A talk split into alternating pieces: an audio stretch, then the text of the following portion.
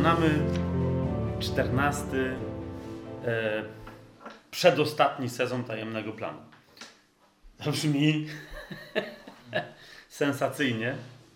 Plan na ten sezon jest taki, żeby dojechać zasadniczo do Księgi Objawienia. Nie rozpocząć Księgi Objawienia, ale dojechać zasadniczo do Księgi Objawienia. Czyli mamy przed sobą list Jakuba, e, listy Piotra, listy Jana, list Judy. Tak? Nie, oczywiście potrzebujemy przedstawić sobie autorów e, e, tych listów, jak w każdym innym miejscu naszego studium. tematykę, która niezależnie od tego, że są to krótkie księgi czy listy, czy przynajmniej na takie wyglądają, to są bardzo obfite w treść. Więc myślę, że ten sezon nam powinien wystarczyć. Jak nie, e, to go ściśniemy i tak nam wystarczy.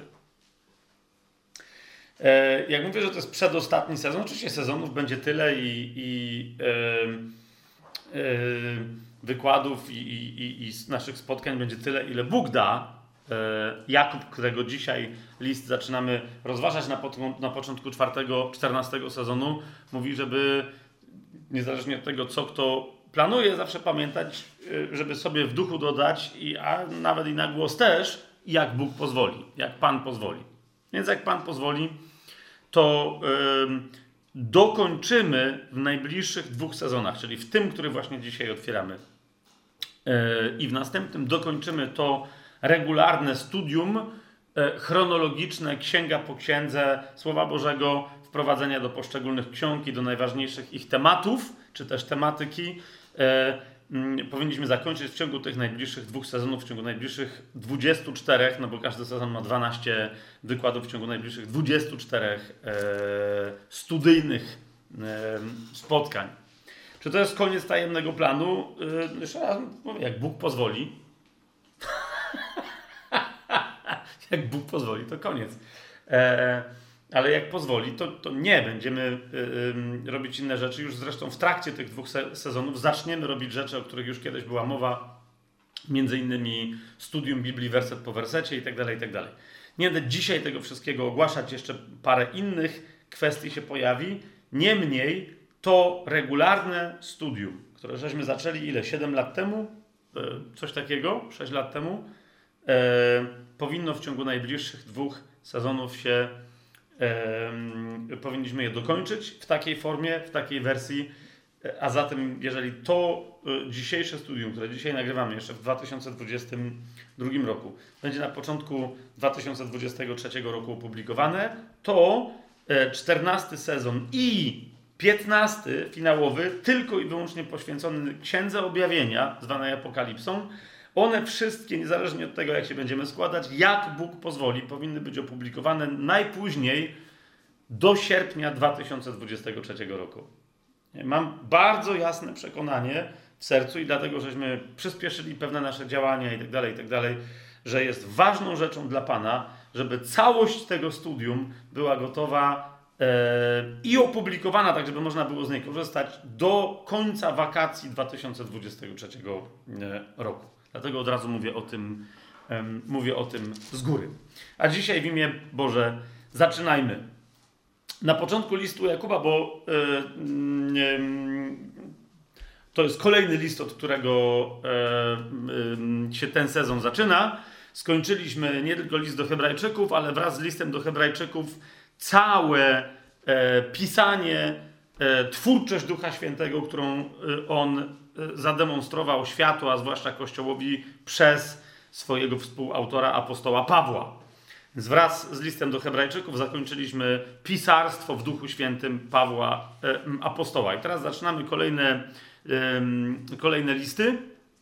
E, ja nawet nie będę dzisiaj rozważać, bo przy okazji Pawła apostoła, wiecie, rozważaliśmy kwestie, co to są listy pasterskie, co to są listy więzienne itd., itd., itd. Ktoś w teologii powiedziałby, że wraz z listem Jakuba rozpoczynamy listy katolickie. Ponieważ tak e, w teologii biblijnej, i to nie chodzi o to, że w rzymskokatolickiej, tylko w każdej teologii biblijnej, ten zestaw listów się nazywa. Nie dlatego, żeby to były listy o kościele rzymskokatolickim, czy jakkolwiek związane z religią rzymskokatolicką, tylko chodzi o to, że katolikos w języku greckim oznacza powszechny, a więc w teologii zalicza się listy Jakuba, Piotra, w takim starym, tradycyjnym nurcie Jakuba, e, Piotra, Jana i Judy zalicza się właśnie do listów powszechnych, a więc skierowanych do całego Kościoła. Jest tam trochę problem, bo te listy, włącznie z tym naszym dzisiejszym, nie do końca jest skierowany kompletnie, bezpośrednio wprost do całego Kościoła, w odróżnieniu od innych listów, na przykład Pawłowych, które są kierowane do całego Kościoła. czy rozumiecie, nawet jak list do Efezjan, czy list do Galacjan, czy list do Hebrajczyków, to są to listy kierowane do całego Kościoła.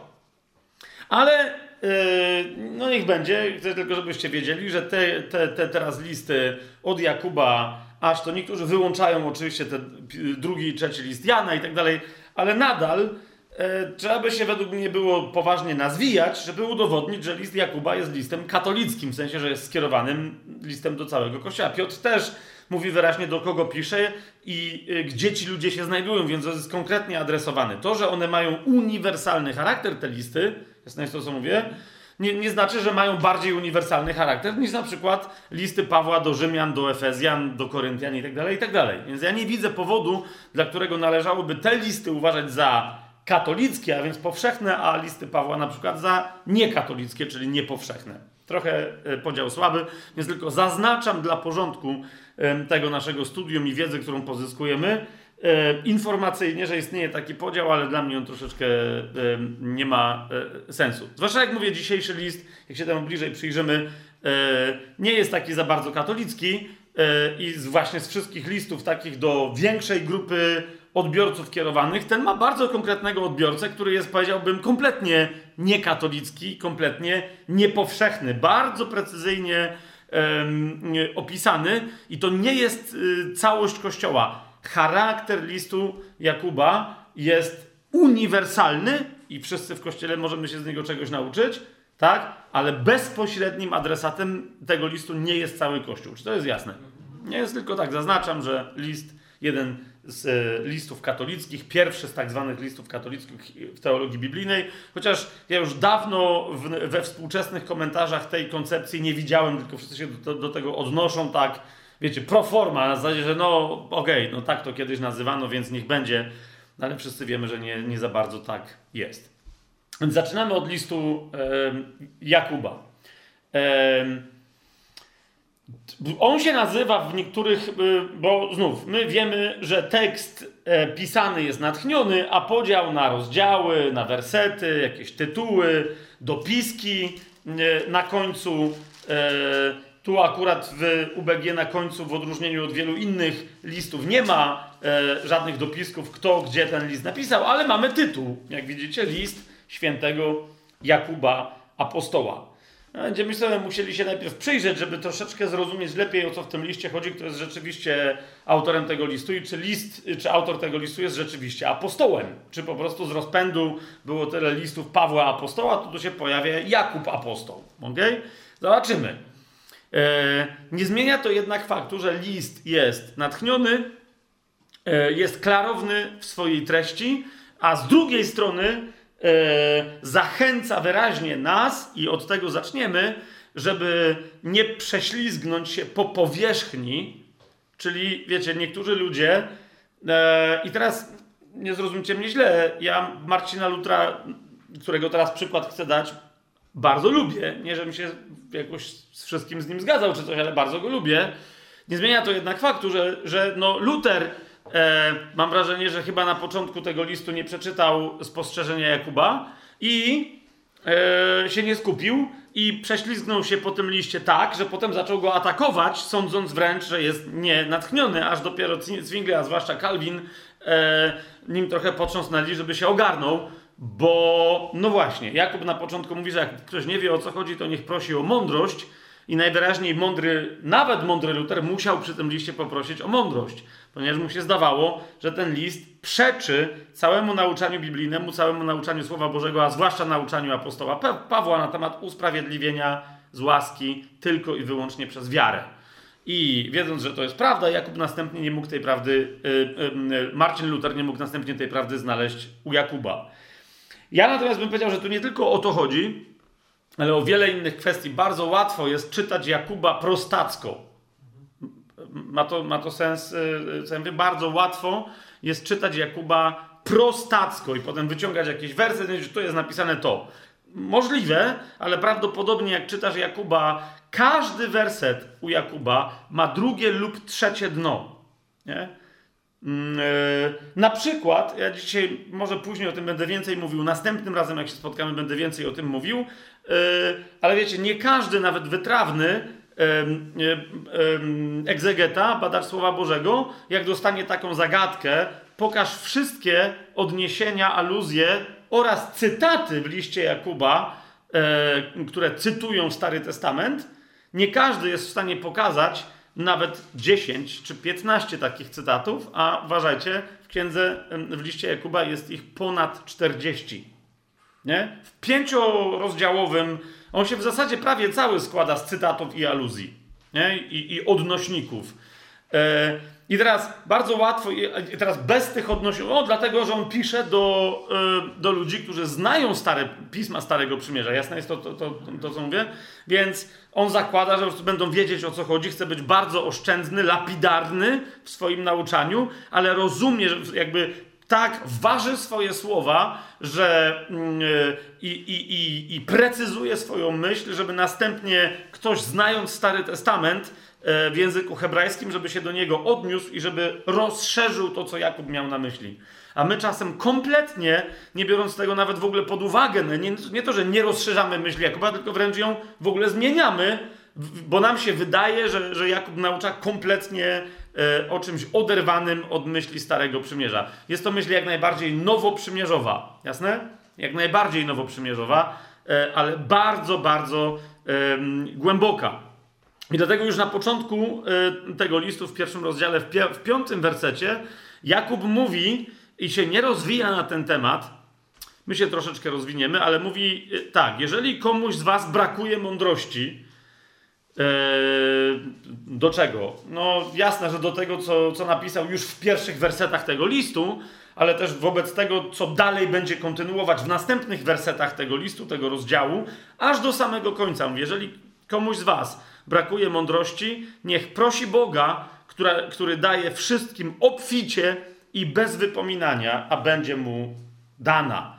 Stąd, e, nie cwaniakując, skoro nawet tacy wielcy e, odkrywcy, e, reformatorzy jak Marcin Luther byli w stanie e, z listem Jakuba się zmagać, kłócić wręcz i sprzeczać, nie do końca rozumiejąc, o co w nim chodzi, to my też nie cwaniakujmy, tylko za radą Jakuba pomódlmy się e, o mądrość. Jasne?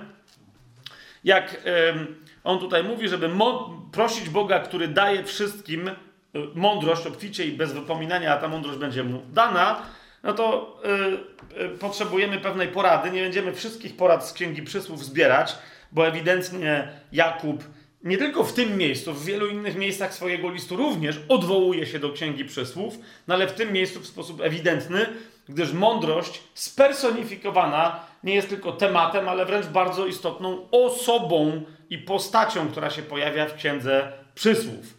Tak? Jakub e, nawet w tym jednym wersecie, zauważcie, e, jak dokładnie tą myślą się bawi. Nie? Zaraz e, być może nieco to rozwiniemy dziś, następnym razem, ale on doskonale wie nie tylko co to jest mądrość, ale kto to jest mądrość. Czy to jest jasne? Nie? Chrystus jest naszą mocą i mądrością, powie, powie Paweł apostoł. Amen? Zauważcie, jak się przedstawia mądrość. Oczywiście niektórzy mają jakieś tam szoki e, e, płciowe w głowie, że przecież Pan Jezus jest, jest chłopem, a mądrość wszędzie i w języku greckim, w języku hebrajskim, czyli grecka Sofia, czyli hebrajska Chokma, jest kobietą i w Księdze Przysłów jest również kobietą. Chodzi tylko o to, że Chrystus przedwieczny i po wiek wieków trwający w pierwszej kolejności nie jest człowiekiem, Mesjaszem, Jezusem z Nazaretu, ale jest duchem, bo jest Bogiem. Amen? Więc on się może pojawiać raz jako kobieta, raz jako mężczyzna, e, jako duchowa postać, to nie ma nic do rzeczy. Czy to jest jasne? I on, e, on się właśnie jako mądrość, jako ona pojawia w Księdze Przysłów, między innymi zapowiadając, że kiedyś będzie łamać chleb e, i, kazać tym łamanym chlebem się dzielić i go jeść i że zmiesza wino do picia absolutnie niepowtarzalne, jedyne w swoim rodzaju w nowym kielichu. Tak? Niemniej, niemniej, jak nam Jakub więc mówi, żeby prosić o mądrość, to rozumiecie o co mówi. Nie tylko prosić o, o jak, jakiś rodzaj wiedzy, poznania, koncepcji, ale po prostu o taką obecność Jezusa w nas, która, e, która będzie naszą mądrością. Jasne? E, w Księdze Przysłów, jak ją sobie otworzymy w pierwszym e, rozdziale, zapoznajemy się z postacią mądrości, e, która również woła, tak jak, tak jak Jakub na początku swojego nauczania w swoim liście. Na początku e, Salomon swojego nauczania, czyli w Księdze Przysłów, e, w pierwszym rozdziale tak nam przedstawia mądrość. To jest, to jest 20 werset i, i dalej. Pisze tak: Mądrość woła na dworze. Dla wszystkich z Galicji zaznaczam, że nie na Wawelu, tylko woła na polu, tak? W sensie, czyli że nie w domu. Wyszła z domu i woła na zewnątrz, tak? E, bo tu, żebyście nie zrozumieli, że mądrość to jest jakaś królowa na, na, na czyimś tam dworze, tak? E, wszystkich, którzy słuchają teraz tego jako nagrania, jeszcze raz, na, naprawdę w Galicji się rozróżnia dwór od pola. Pole jest na zewnątrz. Dwór przynależy tylko do włości królewskich. Więc mądrość woła, niech będzie na dworze, podnosi swój głos na ulicach. No, czyli widać, że na polu, no, na litość boską. Woła w największym zgiełku u wrót bram, w mieście wygłasza swoje słowa. Jak długo, prości, będziecie kochać głupotę? Szydercy lubować się w swoim szyderstwie, a głupi nienawidzić wiedzy lub też poznania. Nawróćcie się na moje upomnienie. Oto wyleję na was mojego ducha, oznajmię wam moje słowa. Ci, którzy się nawracają, zauważcie, logika Nowego Testamentu, jak tutaj jest wyprorokowana, ci, którzy się nawracają, e, pamiętacie, jak wychodzi e, głoszący, drący się na polu, na ulicach Jerozolimy, tak? Piotr, nawróćcie się, dajcie się ochrzcić, a otrzymacie w darze Ducha Świętego. Widzicie to? To jest głos krzyczącej mądrości, która krzyczy przez usta Piotra w tym wypadku, tak? Pan Jezus podczas Wielkiego Święta też, jak Jan Ewangelista nam mówi, krzyczał w niebogłosy. Kto jest spragniony, niech przyjdzie do mnie i pije. Zdroje żywej wody, rzeki żywej wody popłyną z jego wnętrza. Tak? A zatem, e, zakładając, że e, jesteśmy nawróceni i tym swoim nawróceniem żyjemy, poprośmy e, Ducha Świętego, który jest duchem mądrości i mocy, który jest duchem wprowadzającym w nas obecność Ojca i Syna. Jeszcze raz, nie nas w obecność, słyszycie co ja mówię? Nas w obecność Ojca i Syna, owszem, tak? Ale jak zobaczymy, jak Pan Jezus przedstawia Jego dzieło oraz ruch Ojca i Syna wobec nas, to mówi o, o tym, że ci, którzy się nawrócą i przyjmą ducha, doświadczą czego, że ojciec i syn przyjdą do ich wnętrza i będą w nich mieszkać. A więc mówię teraz o duchu, który wprowadza ojca i syna w nas. Już wprowadził. Teraz sęk w tym, żeby w tym wprowadzeniu się, żebyśmy mieli świadomość, że oni w nas mieszkają, cała ta święta trójca, i żeby z tej obecności wynikała nasza mądrość, której domaga się od nas Jakub, który mówi: Chcecie czytać, to mam wam do napisania świetnie, ale poproście o, o mądrość. Amen? Tu y, mądrość y, y, woła, że wyleje na nas swojego ducha i oznajmi nam swoje słowa. Pamiętacie, Pan Jezus powiedział, że dopiero kiedy przyjdzie Duch Święty, On wam wszystko przypomni, On wam wyjaśni wszystko to, co ja powiedziałem, wszystkie moje słowa. Dopiero w Duchu Świętym przychodzi właściwe objawienie i zrozumienie e, słów Jezusa. Można było ich słuchać fizycznie, rozumiecie, na żywo, wprost od Jezusa. Nawet w Duchu Świętym. Można czytać z Biblii słowa. Tak?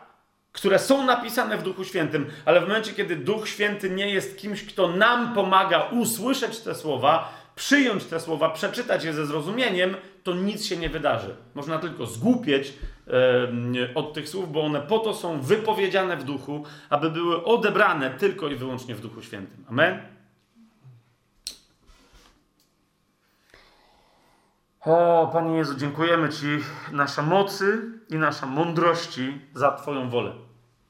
Dziękujemy Ci za Twoje pragnienie dla nas, abyśmy trwali w mądrości, abyśmy wzrastali w mądrości, aby nam się nie tylko Twoja łaska i pokój mnożyły, ale poznanie Ciebie e, po wszystkie wieki.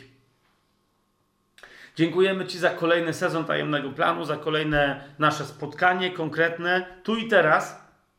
Dziękujemy Ci za objawienie, które wraz ze studium tej kolejnej księgi, którą w tym Mm, którą, którą dziś dla nas jest list Jakuba, za kolejne objawienie, kolejny krok poznania Ciebie, za to, że go wykonujemy, że go możemy wykonać.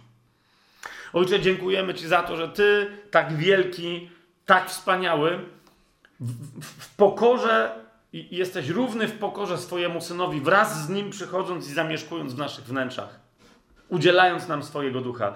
Dziś o, tylko i wyłącznie o jedno prosimy: o Twojego ducha. Ojcze, poślij swojego ducha. Pan Jezus powiedział, że to jest Jego duch, bo, bo Duch Święty jest Twoim duchem. Ojcze, jest duchem Jezusa, jest Waszym duchem. On powiedział, że przyjdzie do Ciebie i będzie prosić, a Ty go nam dasz.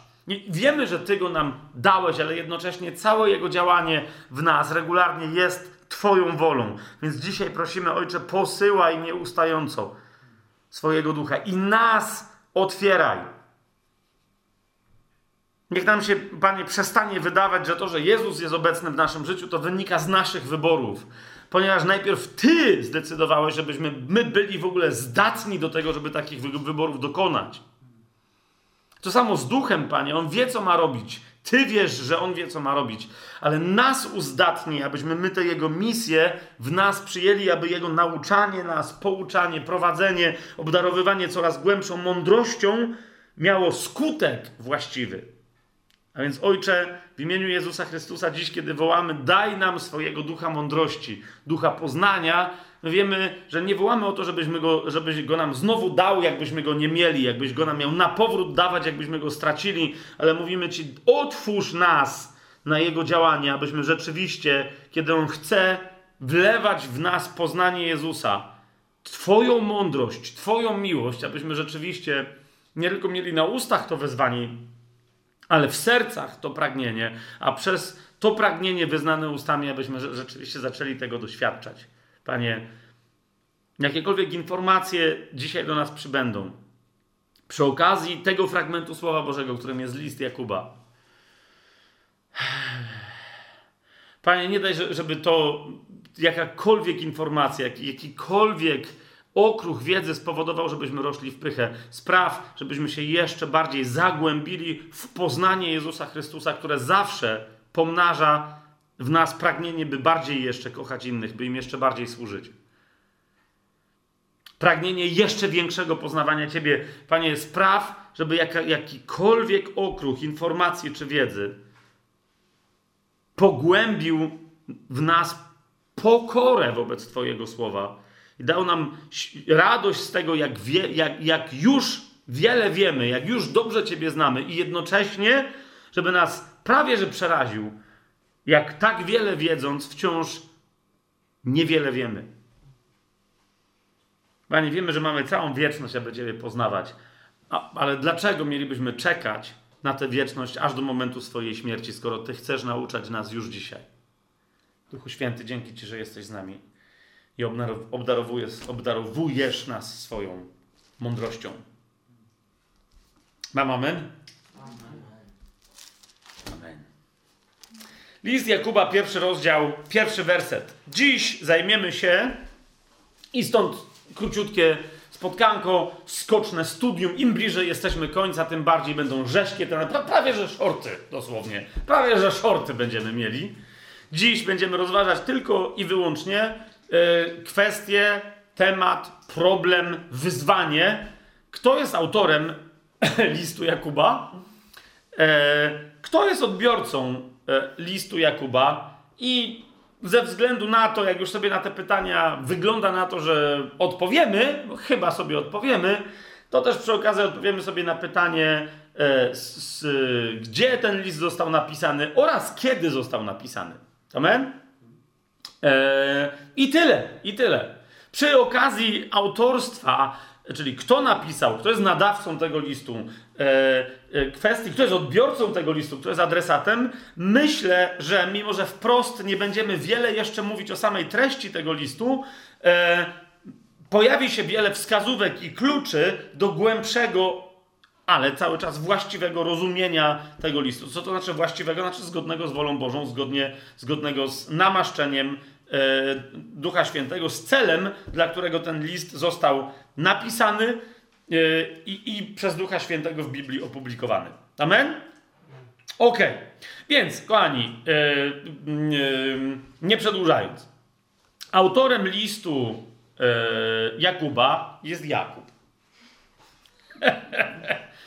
Dlatego, że w pierwszym rozdziale, w pierwszym wersecie czytamy bardzo wyraźnie, że autor się tutaj przedstawia. Więc nie mamy takiego problemu, jak na przykład w liście do Hebrajczyków. Tak? Nie mamy takiego problemu. Tylko jest wyraźnie napisane Jakub, sługa Boga i Pana Jezusa Chrystusa. Przesyła pozdrowienia i tak dalej, i tak dalej, i tak dalej. Fantastycznie! Halleluja! Wszyscy przyklaskują. Słuchajcie, ja, ja to obserwuję to zjawisko od bardzo, bardzo dawna, również u siebie. Bo jakby to jest takie, to jest kto? To jest Jakub. Aha! Gdy tymczasem Jakubów, podobnie jak Judów i wielu innych, rozumiecie, w Biblii, w Nowym Testamencie jest całe mnóstwo, tak?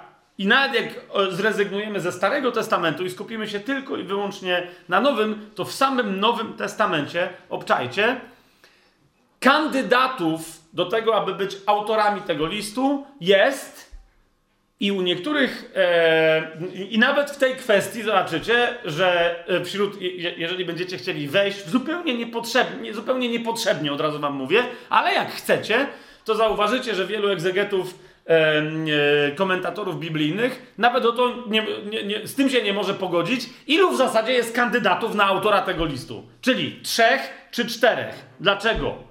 Bo ze względu na pewne konfesyjne teologie, ja to od razu z góry mówię, nie? że dzisiaj się w to nie będziemy wdawać i w ramach studium naszego listu Jakubowego nie będziemy się w to wdawać, ale chcę, żebyście to cały czas mieli z tyłu głowy, nie?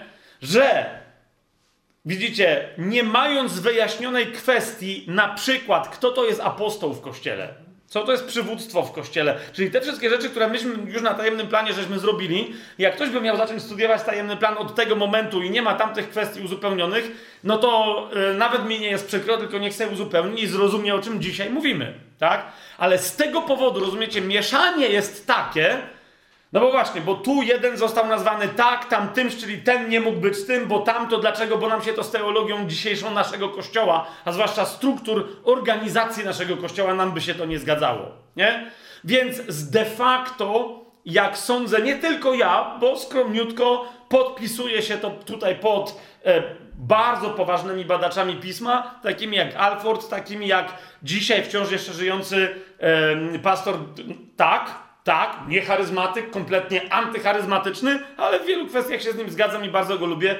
John MacArthur, takimi jak Vernon, Vernon McGee, oni wszyscy wyraźnie pokazują, ja się z nimi zgadzam, że tych autor, kandydatów na autora listu e, Jakuba jest czterech, a nie jak niektórzy twierdzą trzech. Ok? E, mianowicie Jakub starszy, zwany nieopatrznie apostołem, Dlaczego mówię nieopatrznie? No to się nam dzisiaj wszystko wyjaśni, bo on powinien być e, Jakubem zwanym starszym, ale dla niektórych to jest oczywiste, kto to jest rzekomo, kto to jest Jakub starszy, więc jest tylko zwany dla poznaki, a według mnie dla niepoznaki apostołem. Wszystko się dzisiaj wyjaśni. Jakub mniejszy, zwany też przez niektórych młodszym, bo nie chodzi o to, że był drobniejszy niż Jakub starszy, tylko to jest właśnie odniesienie, że był młodszy od starszego. Tak? Tu się oczywiście pojawia e, niby dla poznaki, ale dla niepoznaki, no bo skoro był młodszy, to co oni byli braćmi? E, był Jakub starszy i Jakub młodszy? Może. Może. No właśnie, na tym cała rzecz polega, że to nazewnictwo częściej wprowadza w błąd niż nie. Dalej mamy yy, Jakuba od Judy. Jakiego Jakuba od Judy? No to zaraz sobie będziemy wyjaśniać. No i wreszcie Jakuba, tego czwartego, który jak sądzę osobiście, ja przychylam się do tezy, że jest autorem tego listu. Teraz, kochani, żeby zrozumieć list Jakuba, chcę, żebyście, żebyśmy mieli jasność w tej kwestii. ok? Nie jest konieczną kwestią, żeby się w 100% zgodzić, kto jest autorem tego listu. Czy to jest jasne? Jakby to, jaka jest absolutnie stuprocentowo tożsamość autora tego listu. Tak? Ale kiedy będziemy rozważać autorstwo tego listu, to zauważycie, że fakt rozważania tego typu pomaga w zrozumieniu tego listu. Jasne? A w momencie, kiedy my zaczynamy rozumieć ten list, to wyjdzie nam, kto z największą dozą prawdopodobieństwa jest autorem tego listu. Dlaczego? Nie dlatego, żeby nam to pomogło zrozumieć list Jakuba, tylko list Jakuba pomoże nam zrozumieć, kto jest jego autorem. Czy to jest jasne, co powiedziałem? Jak nie, to niech ktoś to potem przewinie, przesłucha parę razy i wtedy może to wyjdzie. Po prostu z tych czterech kandydatów tylko jeden w zasadzie naprawdę nadaje się na właściwego. Wiecie, może, może to był jeszcze jakiś inny Jakub, tak? Ale myślę, że wtedy Biblia by zaznaczyła. Więc mamy czterech kandydatów. Jasność? Przyjrzyjmy się im bliżej w momencie, kiedy ja będę mówił, dlaczego sądzę, nie tylko ja, tylko wielu innych badaczy, chociaż z tych, z którymi ja się zgadzam, a nie z tych, z którymi się nie zgadzam, a więc nie, no wiecie o co chodzi, tak? Będę od razu mówić, dlaczego się nie zgadzam, żeby ten ktoś był prawdopodobnym autorem, to to jeszcze raz pamiętajcie, żeby mieć potem z tyłu głowy, kiedy będziemy sobie osobiście ten list szczegółowo studiować. I sami zobaczycie znacznie więcej tych dowodów, które ja dzisiaj przedstawię, kto jest autorem tego listu. Ale jeszcze raz, nie chodzi o to, żeby autor miał nam pozwolić list, tylko kiedy my naprawdę rozumiemy, co w liście jest napisane, wtedy widzimy, kto był autorem. Dosyć, dosyć klarownie. Nie? Więc to poszukiwanie autora pozwoli, y, niech będzie od razu już próbą wstępnego zrozumienia, czy nawet przedrozumienia e, listu Jakubowego. Amen? Otóż, kochani, z czterech kandydatów, jak już go wezwałem, mamy napisane list świętego Jakuba apostoła. Nie? Popatrzcie, e, mamy na przykład po liście e, do Filemona,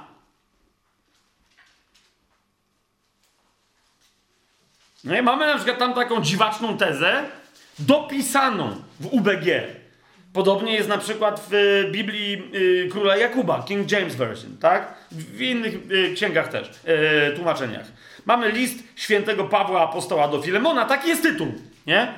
Który nadał ten sam redaktor, no czy, no czy kto, kto jednocześnie na końcu napisał, że list do Filemona został napisany z Rzymu przez Onezyma. Co swoją drogą obczajcie, że Onezym udaje, że jest Pawłem i w swojej własnej sprawie pisze do swojego właściciela, żeby go zwolnił. Więc obczajcie, co się wydarza w takich dopiskach. No nie, kto był autorem e, czego, nie? Trzeba na to uważać. Niemniej tutaj dopisku na końcu, bo na przykład na końcu listu do Hebrajczyków, zobaczcie, jest list do Hebrajczyków. Co prawda tytuł mówi listu do Hebrajczyków w UBG, spójrzcie na to, tytuł mówi list świętego Pawła Apostoła, nie? Ale na końcu widać, że ktoś poszedł po rozum do głowy, że jak coś, to nie jak tam jacyś naukowcy się rzucą, a skąd wiesz, że to był apostoł? Myśmy sobie już to udowadniali, pamiętacie, nie? Ale na końcu jest napisane, że jest to list do Hebrajczyków. Napisany przez kogo? A, co się będziemy wynurzać? Napisany z Italii przez Tymoteusza. Jeszcze gorzej niż jak przez Pawła. Widzicie, co tu jest? Co się tu dzieje? Tyle tylko, że. Co się, co się wyprawia? Natomiast w liście Jakuba na końcu, zauważcie, nawet w, w takiej e, redakcji jak UBG nie ma nic napisanego.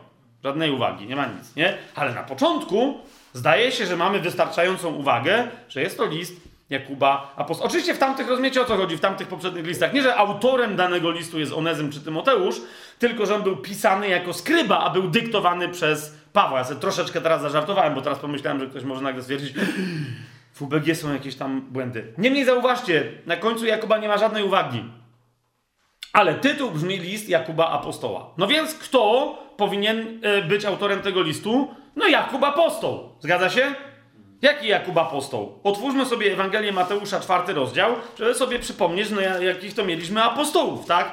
Oczywiście w wielu innych miejscach są oni wymienieni, ale chodzi mi o jedną, yy, jedną bardzo istotną cechę tegoż apostoła, tak? Mianowicie mamy apostoła Jakuba, wybranego przez Pana Jezusa, to jest Ewangelia Mateusza, czwarty rozdział, yy, dwudziesty... Yy, mamy najpierw powołanie Szymona Piotra, zwanego później Piotrem przez Pana Jezusa, tak? E, Kefasa, e, Szymona zwanego później Piotrem i Andrzeja. No bo ostatnio z kimś rozmawiałem i był zszokowany, że, że bratem Szymona Piotra był Andrzej, a nie Jan. to, że Pan Jezus ich ustawił w jednej parze i oni potem w tej parze latali, wiecie o co mi chodzi?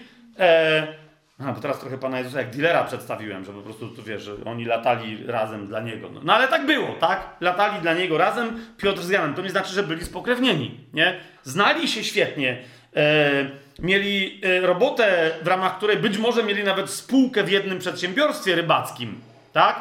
Ale mieli różnych e, ojców, różne matki. Szymon Piotr miał brata Andrzeja, natomiast, natomiast, na, na, natomiast było dwóch innych braci, Ponieważ tatą Szymona, Piotra i Andrzeja, e, nie wiem czy pamiętacie kto był, e, niektórzy e, e, mają taką skomplikowaną tezę, że był to jakiś Jonasz. Gdy tymczasem Biblia mówi wyraźnie, że e, albo jego tata miał na imię Jona, czyli gołębica, co było możliwe, Albo y, nie miał może nawet taty i był przedstawiany jako syn jakiejś mamy Jony. Okay? W każdym razie to jest Szymon, syn Jony, gołębicy, a Jakub i Jan są e, synami Zebedeusza. Czy to jest jasne? Nie? Już tu na wstępie zwracam Wam uwagę, e, bo to jest bardzo istotna rzecz. Gdziekolwiek w Biblii masz napisane mężczyzna jakiegoś mężczyzny, oznacza, że ten mężczyzna jest synem tamtego mężczyzny. Czy to jest jasne? E, y, zobaczcie w, w, w czwartym rozdziale, w dwudziestym pierwszym i w dwudziestym drugim wersecie czytamy, gdy poszedł stamtąd dalej, a więc zaraz, bo w osiemnastym wersecie powołuje Szymona, Piotra i Andrzeja, braci. Tak? I dalej czytamy w 21 wersecie, to jest Mateusz 4,21. Gdy poszedł stamtąd dalej, zobaczył innych dwóch braci, Jakuba Zebedeuszowego, czyli, i tu mamy słusznie napisane, syna Zebedeusza. Czy to jest jasne? Dlaczego mówię, że tu jest słusznie napisane? No, potem w innych miejscach arbitralnie ktoś zaczyna kombinować jakieś inne wyrazy tutaj i inne przynależności oznaczające jakieś inne relacje w sposób kompletnie nieuzasadniony, ale o tym później. Więc mamy dwóch braci: Jakuba, syna Zebedeusza, i Jana, jego brata. Zobaczył Jezus, jak ze swoim ojcem Zebedeuszem naprawiali w łodzi swoje sieci i wezwał ich, a oni natychmiast opuścili łódź i swojego ojca i poszli za nim. Jasne? To jest ten Jan tutaj, który jest Janem Ewangelistą, Janem Apostołem, Janem otrzymującym objawienie na wyspie Patmos. Jasność? To jest ten Jan. Jego bratem jest Jakub. To są ci goście, których w innym miejscu, nie będę teraz tego rozwijać, bo nam to jest do niczego dzisiaj za bardzo niepotrzebne, których Pan Jezus nazywa na spółkę Boanerges, czyli synami gromu, tak? Bo to oni we dwóch to były harpagany. Nie prawdziwe, nie, nie to, że reszta była nie harpagany, ale takie harpagany. Pamiętacie, jak samarytańska wioseczka czy tam miasteczko mała nie chcą przyjąć Jezusa i oni mówią, daj nam tylko pozwolenie i sprowadzimy ogień z nieba, żeby po prostu bombę, a to rozumiecie, Hiroshima i Nagasaki to była ich myśl, nie? Pan Jezus im wtedy powiedział, żeby się uspokoili, bo nie wiedzą jakiego są ducha i poszedł dalej, więc ten ogień nie spadł, ale by spadł, rozumiecie? Jakby się nie odezwał. Boanerges, to są oni. Szymon Piotr z Andrzejem, z Andrzejem nie byli tacy, nie? E, nie byli tacy. Czasem się przedstawia Jana, wiecie, jako, jako e, w, w oderwaniu zupełnie od Jakuba. Zwróćcie uwagę. Nie? No bo Jan, wiadomo, to jest ten, to chłopiątko, co leży Panu Jezusowi na piersi w czasie ostatniej wieczerzy, który stoi prawie, że sąd pierś Marii pod krzyżem. Wiecie o co mi chodzi? Gołowąs, bidny, który tam jest, tylko cała reszta apostołów najodważniejsi opuścili, no a ten jeden tam został, bo on się trzymał kiecki, rozumiecie, Marii, Matki Jezusa. Wiecie o co mi chodzi? Ja teraz nie, nie chcę jakoś przeginać, tylko to jest takie, no i ten Jan wszędzie to jest taki kompletnie, wiecie, taki, taki no takie chłopiątko, taki Janko muzykant, no wiecie o co mi chodzi, no nie? Taki, no wzięli, spalili go w, w piecu, no i tyle, no bo on nie, nie umiał się sam ze sobą ogarnąć, nie umiał się obronić, nie umiał nic, no nie? Tymczasem chcę wam wyraźnie wskazać tutaj, będziemy mówić kiedy indziej na temat Jana, ale to, że on był młody, nie zmienia faktu, że był takim samym cholerykiem i harpaganem jak Jakub. Że Jezus takich zawodników lubił, to widać, że trzech najbardziej jego ulubionych, najbliższych, czyli z dwunastu apostołów, to byli oni dwaj i Szymon Piotr. Zauważcie, już nie Andrzej. Nie? Więc Szymon Piotr miał to coś w sobie. Jasność? Tylko, że Szymon Piotr był starszy, był trochę poważniejszy chłop niż Jan. Jak biegli do grobu, nie, bo potem ja widzę te takie koncepcje, e, na przykład w serialu The Chosen, gdzie, wiecie, no właśnie, Jan jest taki, z tego co pamiętam, sympatyczny, bo ja tylko widziałem parę odcinków z pierwszego sezonu, a to Szymon Piotr jest zabijaką, co się lubi nawalać, nie? Piąchy i, i, i walki na pięści, boks, te rzeczy, nie? Tyle tylko, że tacy, każdy wie, kto, kto się kiedykolwiek bił, zapasy, MMA, boks i tak dalej, że ci ludzie mają bardzo dobre cardio. Nie? E, natomiast w serialu The Chosen Szymon Piotr się dobrze bije jak stoi, ale nie umie biegać. Nie wiem, czy pamiętacie. Dlaczego? No bo twórcy wiedzą, że w którymkolwiek to sezonie by nie było, jak będzie więcej sezonów, to będą kiedyś musieli dojść do momentu, że Jan z Szymonem Piotrem biegną do grobu i Jan, jak strzała łobudu, mija Piotra i jest przy grobie i stoi tam długo i się wpatruje, a Szymon Piotr tam ledwo dobiega. Nie? Więc to tradycyjne postrzeganie Szymona, Szymona Piotra jako zabijak, to, że on był gwałtownikiem, rozumiecie? To, że chciał się bić, ale zwracam uwagę, mieczem, ok, to, że chciał korzystać z broni, tak, to był gwałtownik, to był agresor, tak? Um, on się lubił wyrywać, ale on nie miał. E, to nie był Boaner, jeden z tych dwóch. Dwaj Boanerges to jest Jakub i Jan. Jasne to jest? To są goście, którzy chcą zsyłać bombę atomową na malutkie, e, w sumie Bogu ducha winne miasteczko samarytańskie, tak? Pan Jezus się nad nim lituje. Ci mówią, nie, koniec, znieść ich z powierzchni ziemi, jak Sodomę i Gomorę. Bo to jest dokładnie to, co oni chcą yy, zrobić. Jezus im mówi, nie wiecie, jakiego jesteście ducha. A Szymon Piotr jest do nich dołączony jako ktoś podobnego do nich ducha, ale nie takiego samego. Czy to jest jasne? Nie? Niemniej my dzisiaj nie będziemy gadać o Szymonie Piotrze czy o Janie, tylko mówimy o Jakubie. Otóż on został. Widzicie, tu mamy moment powołania. Oczywiście później Pan Jezus, pamiętacie, to nie jest, mo... to jest moment powołania ludzi, tak jak wielu innych było powoływanych. Później to ci, tych czterech, których tu mamy w tym opisie, zostaną też powołani do grupy tak zwanych dwunastu przez Pana Jezusa. Tak? Więc tu, ale chodzi o to, że to jest. A więc jednym z tych Jakubów jest Jakub apostoł, syn Zebedeusza, brat Jana, syna Zebedeusza. Jasne? To jest on. Teraz, co, ma, co jest istotne e, w tym wszystkim? Otóż, kochani, otóż, kochani, nie będę teraz mówić dlaczego, nie będę teraz mówić dlaczego, ale e, dlaczego tak jest, ale wszystko wskazuje na to, że list Jakuba został napisany między 12 rozdziałem a 15 rozdziałem dziejów apostolskich. Będziemy o tym więcej mówić, a za, za chwilę do tego dotrzemy. Jasne? między 12 a 15 rozdziałem dziejów apostolskich. A więc w czasie prześladowania i rozproszenia wierzących, e, którzy oryginalnie urodzili się jako Żydzi i byli wyznania judaistycznego, a potem stali się chrześcijanami, e, list Jakuba jest pisany do tych 12 rozproszonych pokoleń wierzących Żydów, nie po prześladowaniu, które się wszczęło po zabiciu Szczepana, po ukamienowaniu Szczepana, ale po tym jak, bo więcej będę to tłumaczyć, ale po prześladowaniu, które, które wybuchło po zabiciu Jakuba apostoła. Czy to jest jasne? Dokładnie tego apostoła. A więc potem sobie będziemy musieli udowodnić, że rzeczywiście to jest ktoś inny, ale chodzi mi o to, że w momencie, kiedy prawdopodobnie jest pisany list Jakuba, Jakub apostoł, a więc pierwszy kandydat do tego, żeby go napisać, właśnie nie żyje. Ok? Właśnie zginął i właśnie ta jego śmierć jest przyczynkiem do rozproszenia 12 pokoleń Izraela po całym świecie. Ok? Otwórzmy sobie dzieje apostolskie, 12 rozdział. Dzieje apostolskie, 12 rozdział, i mamy tam bardzo wyraźnie, jak byk napisane od pierwszego wersetu, to jest pierwszy, drugi werset. W tym czasie król Herod, widzicie, Herodów też jak psów, nie? Bo to już kolejny Herod, tak? Absolutnie ani nie ten, co pana Jezusa chciał zabić, pamiętacie? Ani nawet nie jego następca. Czy to jest jasne? Tak? O Herodzie, kiedy indziej mówiliśmy przy okazji Ewangelii. Jeżeli ktoś jest tym zainteresowany, niech sobie znajdzie e, na stronie www, nawet nie www, tylko po prostu tajemnyplan.pl, niech sobie znajdzie e, w zakładce tematy, hasło Herod, które sądzę, że tam jest, ja tych tematów nie robiłem, ale mamy wspaniałych testerów, których teraz serdecznie e, wszystkich słuchających pozdrawiam, e, którzy, e, którzy skatalogowali te wszystkie tematy, więc pewnie temat e, Heroda jest i bardzo łatwo będzie można znaleźć miejsce, w którym mówię o tych różnych e, Herodach. Więc kolejny z Herodów, nie będę teraz tłumaczyć już który, tak? Bo widzicie, nie tylko z Jakubem mamy problem,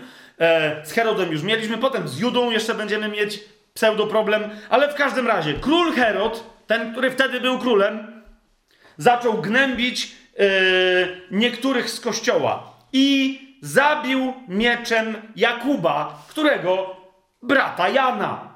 To jest jasne? Ma co do tego wątpliwości. Swoją drogą zauważcie, że w takim razie, jak my pod koniec dziejów apostolskich czytamy, że Paweł przyszedł do Jerozolimy i tam przyszedł do Jakuba i tak dalej, no to widzicie, że nie przyszedł do tego Jakuba. Czy to jest jasne? W ogóle jak Paweł pisze o jakimś Jakubie, z którym się witał, z którym coś tam i tak dalej, to najprawdopodobniej, wszystko na to wskazuje, a zaraz sobie jeszcze bardziej to udowod będziemy udowadniać, nie chodzi o Jakuba apostoła, tego Jakuba apostoła, syna Zebedeusza, brata Jana. Czy to jest jasne? Nie? Potem zobaczymy, yy, dlaczego ten list, prawdopodobnie list Jakuba był pisany po jego śmierci, tak? E, ale teraz tylko na to Wam zwracam uwagę, że jeżeli on był pisany po jego śmierci, plus jeszcze rozważymy parę innych okoliczności, to autorem tego listu nie jest Jakub, syn Zebedeusza. Czy to jest jasne? Nie? Ja już teraz pomijam, że jak się przyjrzymy całej charakterystyce, yy, jakbyśmy zaprosili specjalistów z, z, z, FBI od rysopisu, wiecie, psychologicznego, to by wam powiedzieli, że z tych dwóch braci obydwaj mogli być nawet i może socjopatami oryginalnie, zanim ich Pan Jezus nie uzdrowił, czyli Jakub i Jan, bo Anerges mogli być socjopatami, może nawet psychopatami. Tak? Ale z nich jeden był socjopatą piszącym, a drugi nienawidzącym pisania. Tak? Piszącym był, jak wiemy, Jan, a Jakub był raczej od działań. No nie? Dlatego Szymon Piotr mówi do Jana, weźże się tam spytaj, weźże pogadaj, nie? Potem powiesz, co jest grane. Jakuba na Jakub był mrukiem po prostu. I to wszędzie tam widać. Przypomnijcie sobie, w ilu miejscach pojawia się Jakub razem z Janem. W ilu miejscach przy Panu Jezusie pojawia się Szymon Piotr, Jan i Jakub. I w ilu miejscach pamiętacie, co mówi Jakub. No właśnie. No nie? Więc. Więc nie zmienia to jednak faktu. Mówił, nie mówił, mruk, nie mruk, socjo, psycho, pata, nie pata. Chodzi o to, że w 12 rozdziale, drugim wersecie, zasadniczo Kościół tutaj się ledwo dopiero, wiecie, ogarnia, próbuje okrzepnąć. Herod ten Kościół atakuje i absolutnie jednym z pierwszych, którzy wtedy giną, apostołów Pana Jezusa, jeżeli nie pierwszym, bo wszystko na to wygląda, jest Jakub, syn Zebedeusza, brat Jana i jest to bardzo mocny przyczynek do tego. Zresztą, jak sprawdzicie tych różnych egzegetów, to większość, jeżeli nie wszyscy wam powie, tak, to jest dowód na to, że nie on napisał list Jakuba. I w tej kwestii yy, w zasadzie prawie nikt się z nikim nie kłóci. Czy to jest jasne? Czy to jest jasne? Cool. Teraz, kochani, dlaczego, dlaczego ja powiedziałem, że ten Jakub powinien być nazywany Jakubem Starszym, lub według mnie to będzie najprecyzyjniejsze, Jakubem Zebedeuszowym. On miał nazwisko konkretne, tak? Jakub Zebedeuszowy. I tyle. Wtedy już wiesz, o kogo Jakub Zebedeuszowy. Jest jeden konkretny w Biblii, bardzo precyzyjnie do namierzenia. Tak? Dlaczego? Bo jak my mówimy Jakub Starszy, zwany apostołem, albo Jakub Apostoł, zwany starszym, to jest wszystko elegancko, tylko przecież nie było jednego apostoła Jakuba. Wiecie o co mi chodzi? I wszyscy się koncentrują dokładnie na tym jednym, a przecież był drugi. Właśnie ten, którego nazywamy mniejszym. Tak? I teraz, co jest ciekawe, Biblia niespecjalnie starszego nazywa starszym, a mniejszym miał taką ksywę. Nie? Z jakiegoś tajemniczego powodu. Otóż otwórzmy sobie i rozważmy teraz możliwe kandydowanie na autora listu Jakubowego, tego drugiego zawodnika. Otwórzmy sobie Ewangelię Mateusza, dziesiąty e, rozdział. To już jest tam, gdzie Pan Jezus wprost, bezpośrednio wybiera sobie grupę, która jest następnie nazywana dwunastką. Tak? To jest Ewangelia Mateusza, dziesiąty e, rozdział. Przywoławszy, od, od pierwszego wersetu czytam, przywoławszy swoich dwunastu uczniów, dał im moc nad duchami nieczystymi i tak dalej, i tak dalej. I teraz drugi werset, a takie są imiona dwunastu apostołów. Pierwszy Szymon, zwany Piotrem i jego brat Andrzej. Mamy to? Dalej Jakub Zebedeuszowy i Jan, jego brat. Mamy to? Tu, tu, jest ten Jakub, którego już rozważyliśmy. I on potem zginął, 12 rozdział dziejów apostolskich. Filip i Bartłomiej, Tomasz i celnik Mateusz, Bam, Jakub, syn Alfeusza i Lebeusz, nazwany Tadeuszem. Widzicie drugiego Jakuba? Jest? To jest Jakub Alfeuszowy. Oczywiście można prześledzić tę postać, kiedy prześledzicie postać Alfeusza. Tak? Teraz oczywiście będzie problem, czy Alfeusz to był Kleofas na przykład. e, bo wiecie, bo są opisywane kobiety, które stoją pod krzyżem Pana Jezusa. Nie?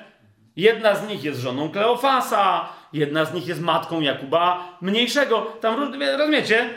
Zwracam wam tylko uwagę, że jeden przynajmniej z ewangelistów pisze wyraźnie, że stało tam wiele kobiet pod krzyżem, a wymienia ten i na przykład następny, na przykład ewangelista Jan, niektóre z tych kobiet z imienia, czy to jest jasne. Więc potem mieszanie, czy żona Kleofasa, to ten Kleofas może też miał na imię Alfeusz, bo ona by pasowało niektórym, żeby była matką tego Jakuba Alfeuszowego. Rozumiecie?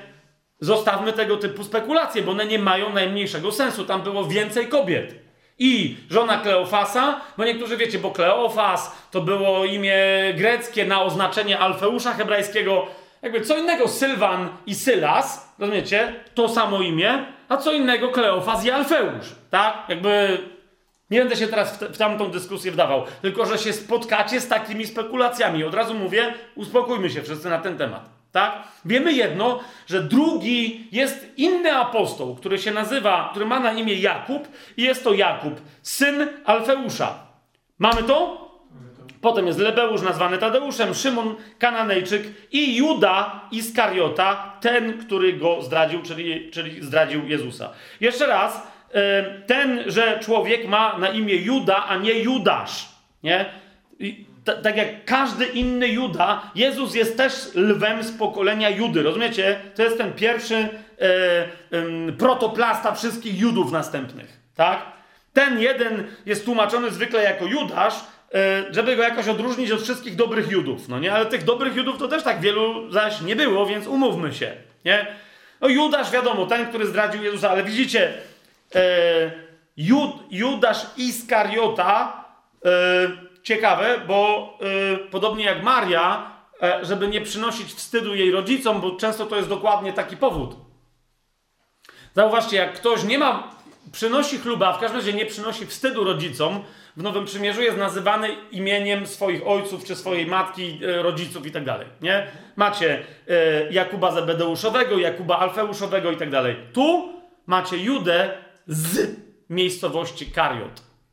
Okej? Okay? On Iskariota znaczy z miejscowości Kariot. To jest, to jest Juda z Kariotu. Tak? Podobnie jak Maria Magdalena, nie, e, wiemy kim ona była, co się tam działo, opętana była. Nie jest podane, że Maria e, Alfeuszowa, czy Jakubowa, czy Szymonowa. To jest, to jest Maria z miejscowości Magdala. Tak? To jest Maria z Magdali, to znaczy Magdalena. Jasność? Więc tu e, widzicie, to jest, to jest Juda, który jest specjalnie nazywany w ten sposób Juda z Kariotu i jeszcze i tak się dodaje, żeby jakiemuś innemu Judzie z Kariotu nie narobić koło trąbki, tak? Że to był Juda z Kariotu, ale jakby było więcej, to jest ten Juda z Kariotu, który zdradził Jezusa. To już takich więcej nie było. To już niech będzie jego odpowiedzialność. Jasne? I teraz, kochani, czego my się więcej dowiadujemy? Otwórzmy sobie Ewangelię Marka, e, 15 rozdział, skoro już mówiłem o tych E, kobietach e, stojących pod krzyżem, w 15 rozdziale Ewangelii e, Marka, w 40 wersecie czytamy, że pod krzyżem Jezusa stały kobiety. I zobaczcie, co tam jest napisane. Były tam też kobiety, które przypatrywały się z daleka. A wśród nich Maria Magdalena, no właśnie, e, którą już tu przywołałem, Maria z Magdali i Maria, matka Jakuba Mniejszego i Józefa. Widzicie to? Więc przy innych badaniach sprawdźcie sobie, że jeżeli był znany jako czyjś syn, Jakub mniejszy to był synem Alfeusza i Marii jakiejś, która była żoną Alfeusza. Czy to jest jasne? Musiała być, skoro była mamą Jakuba mniejszego. Mamy to? A on był bratem jakiegoś Józefa, których też, jak widać, było trochę tam na pęczki, tak? Oraz Salome. I teraz chodzi mi o to, że na przykład kiedy w Ewangelii Jana, jak ją sobie yy, otworzymy, tak, jakieś tam rozważania ktoś snuje, na przykład w 19 rozdziale, 25 wersecie, że przy krzyżu Jezusa stały jego matka i siostra jego matki, Maria Kleofasowa i Maria Magdalena, to, to niektórzy mówią, no skoro y, te, te są trzy Marie, tam są też trzy Marie, to w takim razie Maria matka Jakuba mniejszego, to musi być Maria y, y, y, Kleofasowa, tak? Jeszcze raz, może tak jest, ale może tak nie jest. I, I rozumiecie, argumentów za jest tyle samo, co argumentów przeciw. Nas to w ogóle nie interesuje, tak? Nas to w ogóle yy, nie, nie interesuje. W dziejach apostolskich w pierwszym rozdziale, yy, w trzynastym wersecie,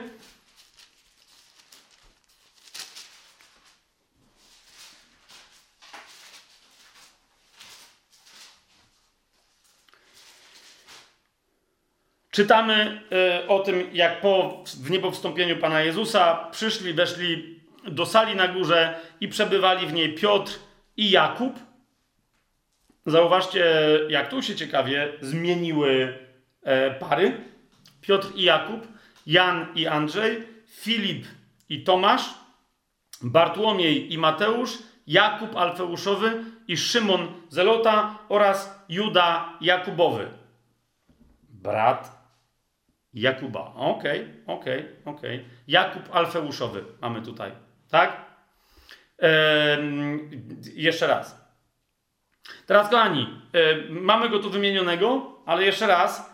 My, wiedząc ogólnie z historii Kościoła, z pism wczesnych, e, świadków, ojców Kościoła i tak dalej, wiemy mniej więcej, co się działo. Na przykład z Andrzejem, który nie jest zbyt popularną postacią w Biblii, czy na przykład z Jakubem Mniejszym, Alfeuszowym.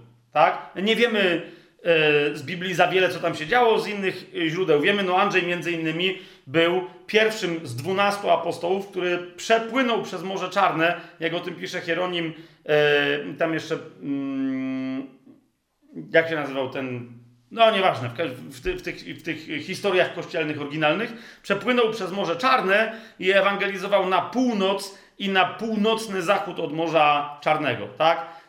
Nie na Krymie, ale na terenach dzisiejszej Ukrainy, dzisiejszej, e, dzisiejszej Polski wyglądałoby, e, na to w każdym razie Polski południowej.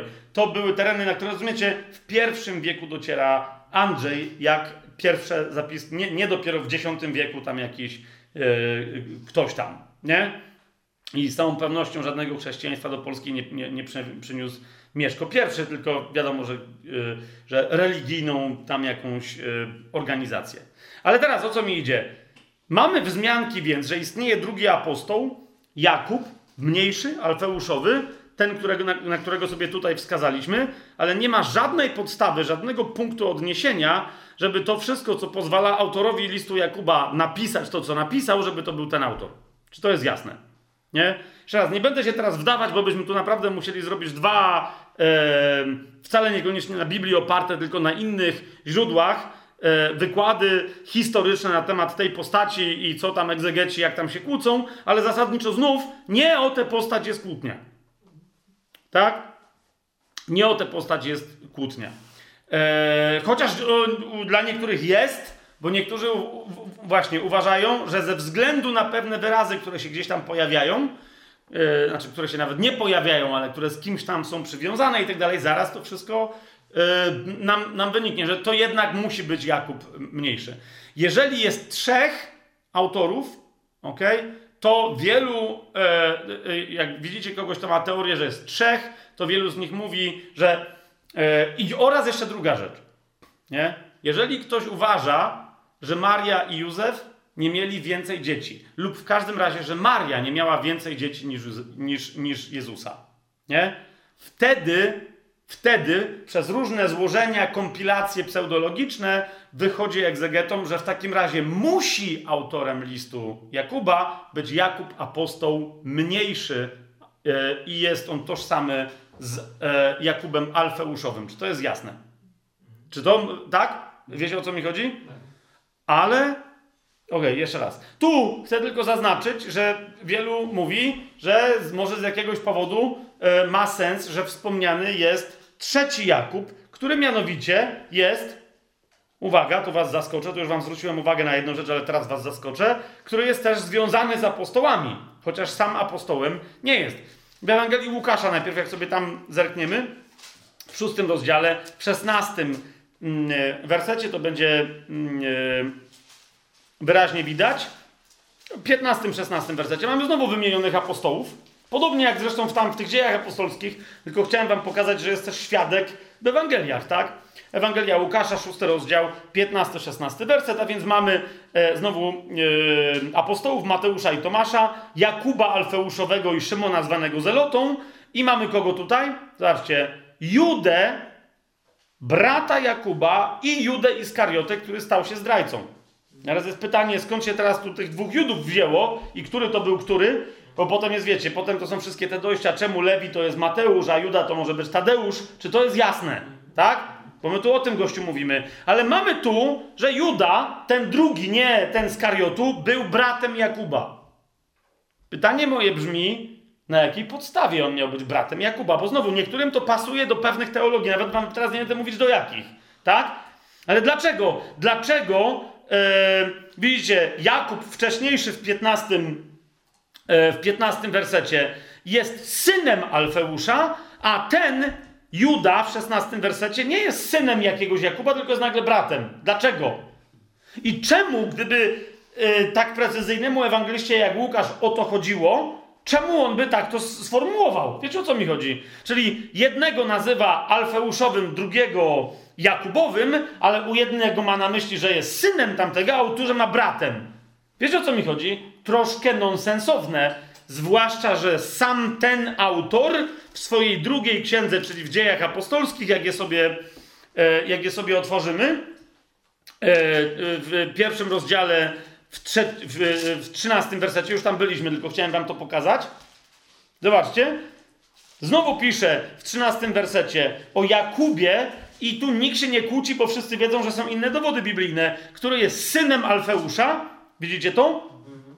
Nie? O Szymonie Zelocie oraz o Judzie, który jest bratem Jakuba. No już nie ma tego drugiego e, Judasza, bo on już zdradził i on tu już nie występuje. Tu już mamy nie 12, ale 11 w ramach grupy zwanej dwunastką. Tak? Ale zobaczcie, znowu on pisze o Jakubie Alfeuszowym oraz o Judzie Jakubowym. I wielu e, naprawdę poważnych badaczy mówi, że to nie ma najmniejszego sensu. Znawców greki i tak dalej. Tu między innymi Alford, e, ale ma, bo MacArthur, nie wiem, czym podawał jako wielkiego znawcę greki, tak? Ale Vernon McGee też i tak dalej. Oni wszyscy mówią, że nie ma to najmniejszego sensu.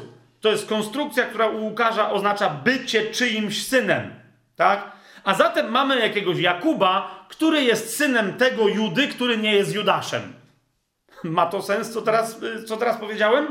I niektórzy mówią, no to jak jest jeszcze taki Jakub, to może on napisał list Jakuba. No tylko wtedy pytanie brzmi, czemu? Bo Łukasz go tu zamieścił z jakiegoś powodu? Za dużo byłoby domniemań, a nawet, jak powiadają co bardziej wprawni, domniemywań.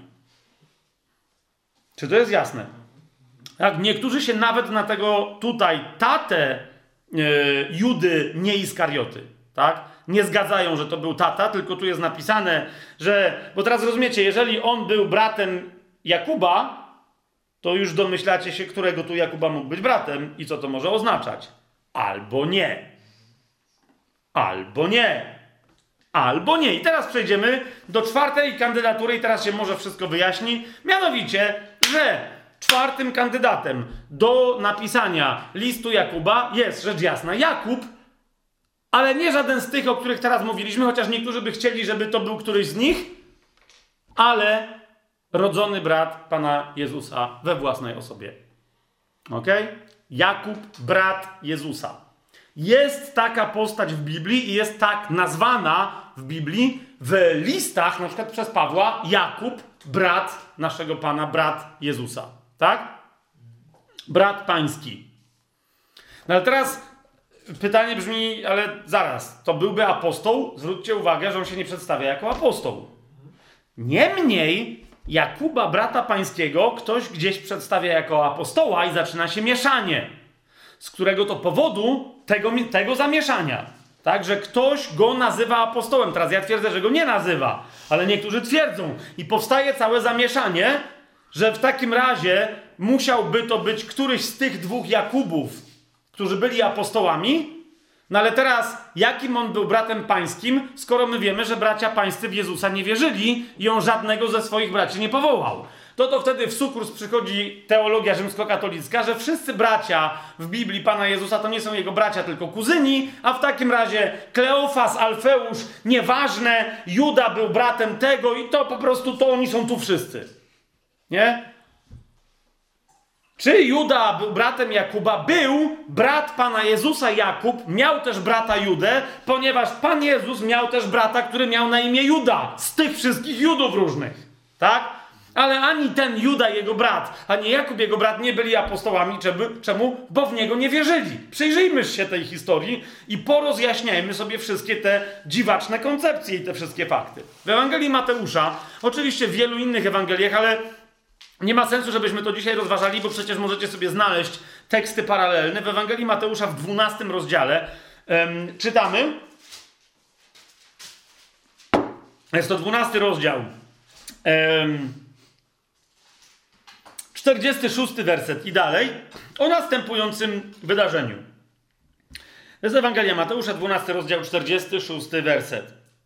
A gdy on jeszcze mówił do ludzi, jego matka, uwaga, i bracia stanęli przed domem, chcąc z nim rozmawiać. Jego matka i bracia. Wszyscy tu mówią, że bracia cioteczni, wujeczni, stryjeczni, dziadeczni, e, kuzyni, mówiąc najogólniej. Ja teraz nie pamiętam, gdzie my o tym mówiliśmy, ale gdzieś na tajemnym planie już o tym mówiliśmy, że e, po pierwsze Biblia nigdzie nie sugeruje, że Maria była dziewicą po e, narodzeniu, do, do końca swojego życia. Tak? E, nawet jak sobie przeczytacie dokładnie w języku greckim, jak jest powiedziane, że Józef się do niej nie zbliżał, dopóki nie urodziła Pana Jezusa, to nawet w tym zdaniu jest taka konstrukcja, która oznacza, że się do niej zbliżał, tylko nie przy okazji Pana Jezusa. Czy to jest jasne? I to zbliżał się w sensie seksualnym, także poczęła inne dzieci. Tak? Pan Jezus sam z siebie, zauważcie, jest nazywany synem pierworodnym, tak? A nie jedynym, tylko pierworodnym, że się pierwszy urodził, czyli najstarszym. Skoro on był najstarszy, jak ktoś miał jedynaka, to był jedynakiem, tak? Twój, twój syn jest, na mój syn na razie jest jedynakiem, tak? I nie tego nazwał pierworodnym, bo pierworodnym go nazwę, jak się jeszcze urodzi mu siostrzyczka, tak? Czy jakiś tam braciszek inny. I wtedy to będzie, ale zwłaszcza jak mu się urodzi braciszek, to wtedy z tych dwóch braci Felix będzie pierworodny. Czy to jest jasne, tak? Dalej, Biblia wyraźnie o braciach Jezusa mówi bracia i nie jest tak, że w języku greckim na kuzynów pojawiało się takie samo określenie. Okay? mogło wyjątkowo, ale nie w Biblii pojawić się tego rodzaju określenie. Nie mamy sytuacji, ja to, ja to wszystko tam wtedy gdzieś kiedyś, kiedy o tym mówiliśmy, znowu w tematach prawdopodobnie to będzie do znalezienia. Tym jak mi to pokazuje, że tak, więc tak. E, pojawia się słowo kuzyn, które oznacza brata, ale nie z tej samej matki, nie z tych samych rodziców. Jasność? To jest to. I, i, na, natomiast nawet gdyby tak było, w literaturze klasycznej czasem ktoś nazywał brat, wiecie, ktoś miał kuzyna, który mu był jak brat. Czy to jest jasne, tak? Ale wtedy nie mógł się ten ktoś pojawić i być nazwany bratem czyimś w obecności tego kogoś matki. Czy to ma sens? Więc nawet w tej scenie, jak my mamy tutaj napisane, że jego matka i bracia stanęli przed domem, to znaczy, że przyszła mama Pana Jezusa z innymi swoimi, swoimi dziećmi płci męskiej, a nie z jego kuzynami. Czy ma to sens? Tak? Bo to była jego matka i ich matka, więc dlatego to byli jego bracia w tej scenie. Język grecki, nawet gdyby to była greka nie ale greka klasyczna, literacka, nadal w tym złożeniu by to było jasne, że to są rodzeni bracia Jezusa, a nie ktoś inny. Tak? Więc dowodów na to, że Maria miała więcej dzieci po Panu Jezusie, yy, z Józefem, być może, że miała innego e, później nawet e, męża, wiecie, my się za bardzo w to, chociaż ludzie jak mówią e, o Jezusie i o jego rodzinie, mówią o jego mamie, ale nie mówią o jego nowym tacie nie? Czyli nie wspominają Józefa, który prawdopodobnie tam w pewnym momencie zmarł, ale nie mówią o żadnym nowym tacie, więc a normalnie by go Żydzi wspomnieli. Zaraz sobie zresztą jakiś taki może fragment przywołamy. Żydzi go normalnie ojca by wspominali, więc skoro mówią przecież tu jest jego matka, tu są jego bracia, tu są jego siostry, a nie wspominają ojca, to znaczy, że ona, jej mąż zmarł, a nie ma nowego e, męża. Zresztą Pan Jezus dlatego e, znajduje jej nowego pierworodnego, który od tej pory się nią będzie zajmować, bo wszyscy bracia w niego nie wierzą. Zaraz sobie to wyjaśnimy. Więc boi się, że skoro ona się go nie zaparła, a oni się go wyparli, to mogliby nie wziąć nad nią opieki, a nie ma męża. Czy to jest jasne? Ona ewidentnie pozostaje samotną e, kobietą. Ale w każdym razie, tak, co my tu czytamy? Gdy jeszcze on mówił do ludzi, jego matka i bracia stanęli przed domem, chcąc z nim rozmawiać. I powiedział mu ktoś: Oto twoja matka i twoi bracia stoją przed domem i chcą z tobą, e, i chcą z tobą mówić. Więc, e, e, kochani, tego typu wspominek o tym, że byli jacyś bracia Pana Jezusa, mamy w Biblii znacznie więcej. To jest tylko, to jest tylko jeden e, z przykładów. Teraz, ale skąd my wiemy, że wśród tych braci mógł być jakiś Jakub? Jako rodzony brat Pana Jezusa, inny od tych Jakubów, których do tej pory sobie nazwaliśmy. Ok? Zanim to sobie się temu przyjrzymy, to tylko e, chcę Wam przypomnieć, że to nie jest tak, że oni od początku byli przeciwni misji Jezusa. Tak? W Ewangelii Jana, na przykład w drugim rozdziale, zobaczcie, po tym jak Jezus uczynił y, znaki, znaczy znak konkretnie przemienienia wody w wino w Kanie Galilejskiej, czytamy, w dwunastym wersecie, że potem on, jego matka, jego bracia i jego uczniowie poszli do Kafarnaum i mieszkali tam przez kilka dni. Widać to? Zwracam Wam uwagę, że Jezus, e, będąc Jezusem z Nazaretu, był też Jezusem z Betlejemu, bo tam się urodził. Był też Jezusem z Egiptu, bo tam emigrował, uciekając przed, e, przed Herodem Wielkim, który chciał go zabić, nie wiedząc oczywiście, że czyha na życie tego konkretnego Jezusa, ale chciał zabić Mesjasza, króla Żydów. Potem, gdy Jezus wrócił, y, to właśnie, będąc z Betlejemu, będąc z Egiptu, wrócił do Nazaretu, tam się osiedlił i dlatego niektórzy myśleli, że on jest Galilejczykiem i że nie może przecież on być tym, który wypełnia proroctwo o Mesjaszu pochodzącym z Betlejemu, z pokolenia Judy. Tak? On był y, z pokolenia Judy Judejczykiem, ale y, osiadł dla niepoznaki, jego rodzice osiedli, więc on razem z nimi w Nazarecie. I teraz, co jest bardzo istotne, jak pamiętacie, z Nazaretu się wyprowadził po sytuacji opisanej przez Łukasza, w ramach której chcieli go tam zrzu zrzucić z wysokiej skały. Nie? Eee, kiedy on im mówi, że, że trudno jest rozpoznać proroka we własnym domu i tak dalej, eee, i oni chcą go zabić, jak nagle go uwielbiają, wtedy chcą go zabić. Dlaczego mówią, nasz ziomek, wszystko to znamy, a chłop się wywyższa, co tu jest grane, tak? Jezus wtedy przechodzi pomiędzy nimi, ale od tej pory staje się ewidentnie Jezusem z Kafarnaum. Nie? Więc ostatecznie Jezus, który umiera na krzyżu, jest, jakbyśmy powiedzieli, gdzie jest jego baza. Jego baza nie jest w Nazarecie, ale jest w Kafarnaum. Jak czytamy, że rozebrano mu dach e, w domu, to się dzieje, zauważcie, w Kafarnaum. Jezus wraca, to jest jego baza, nie Nazaret. Tam go chcieli zabić. Nie?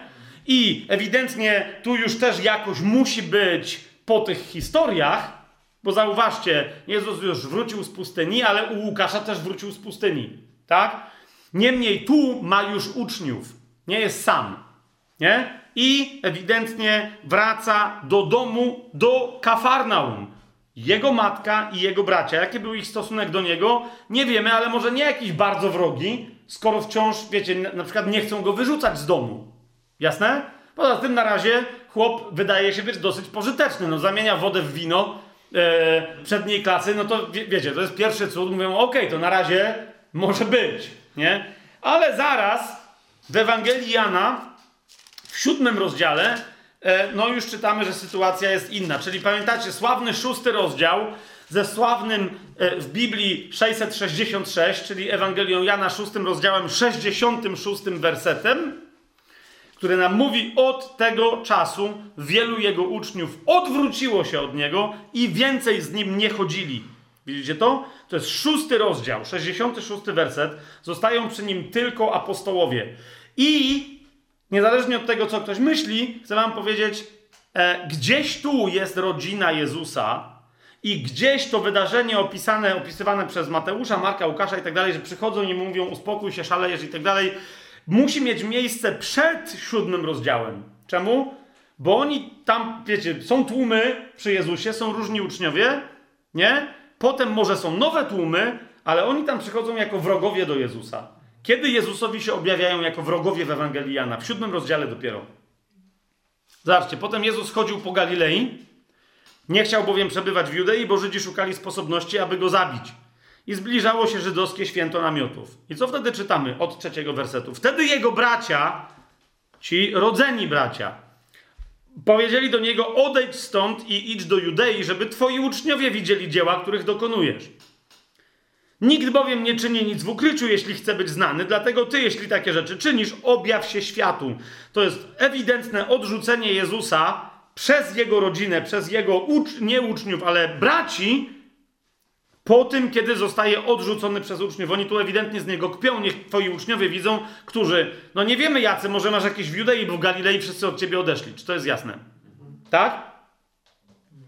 Bo, i komentarz, komentuje to ewangelista Jan, żebyśmy my zrozumieli, że są mocno sarkastyczni i mu mówią weź, bo zaraz ludzie się od nas też odwrócą, więc idź stąd do Judei i niech tam się dzieje wola Boża. Czemu tak powiedzieli? Ewangelista Jan tłumaczy, że tak powiedzieli, bo mimo, że byli jego braćmi, w niego nie wierzyli.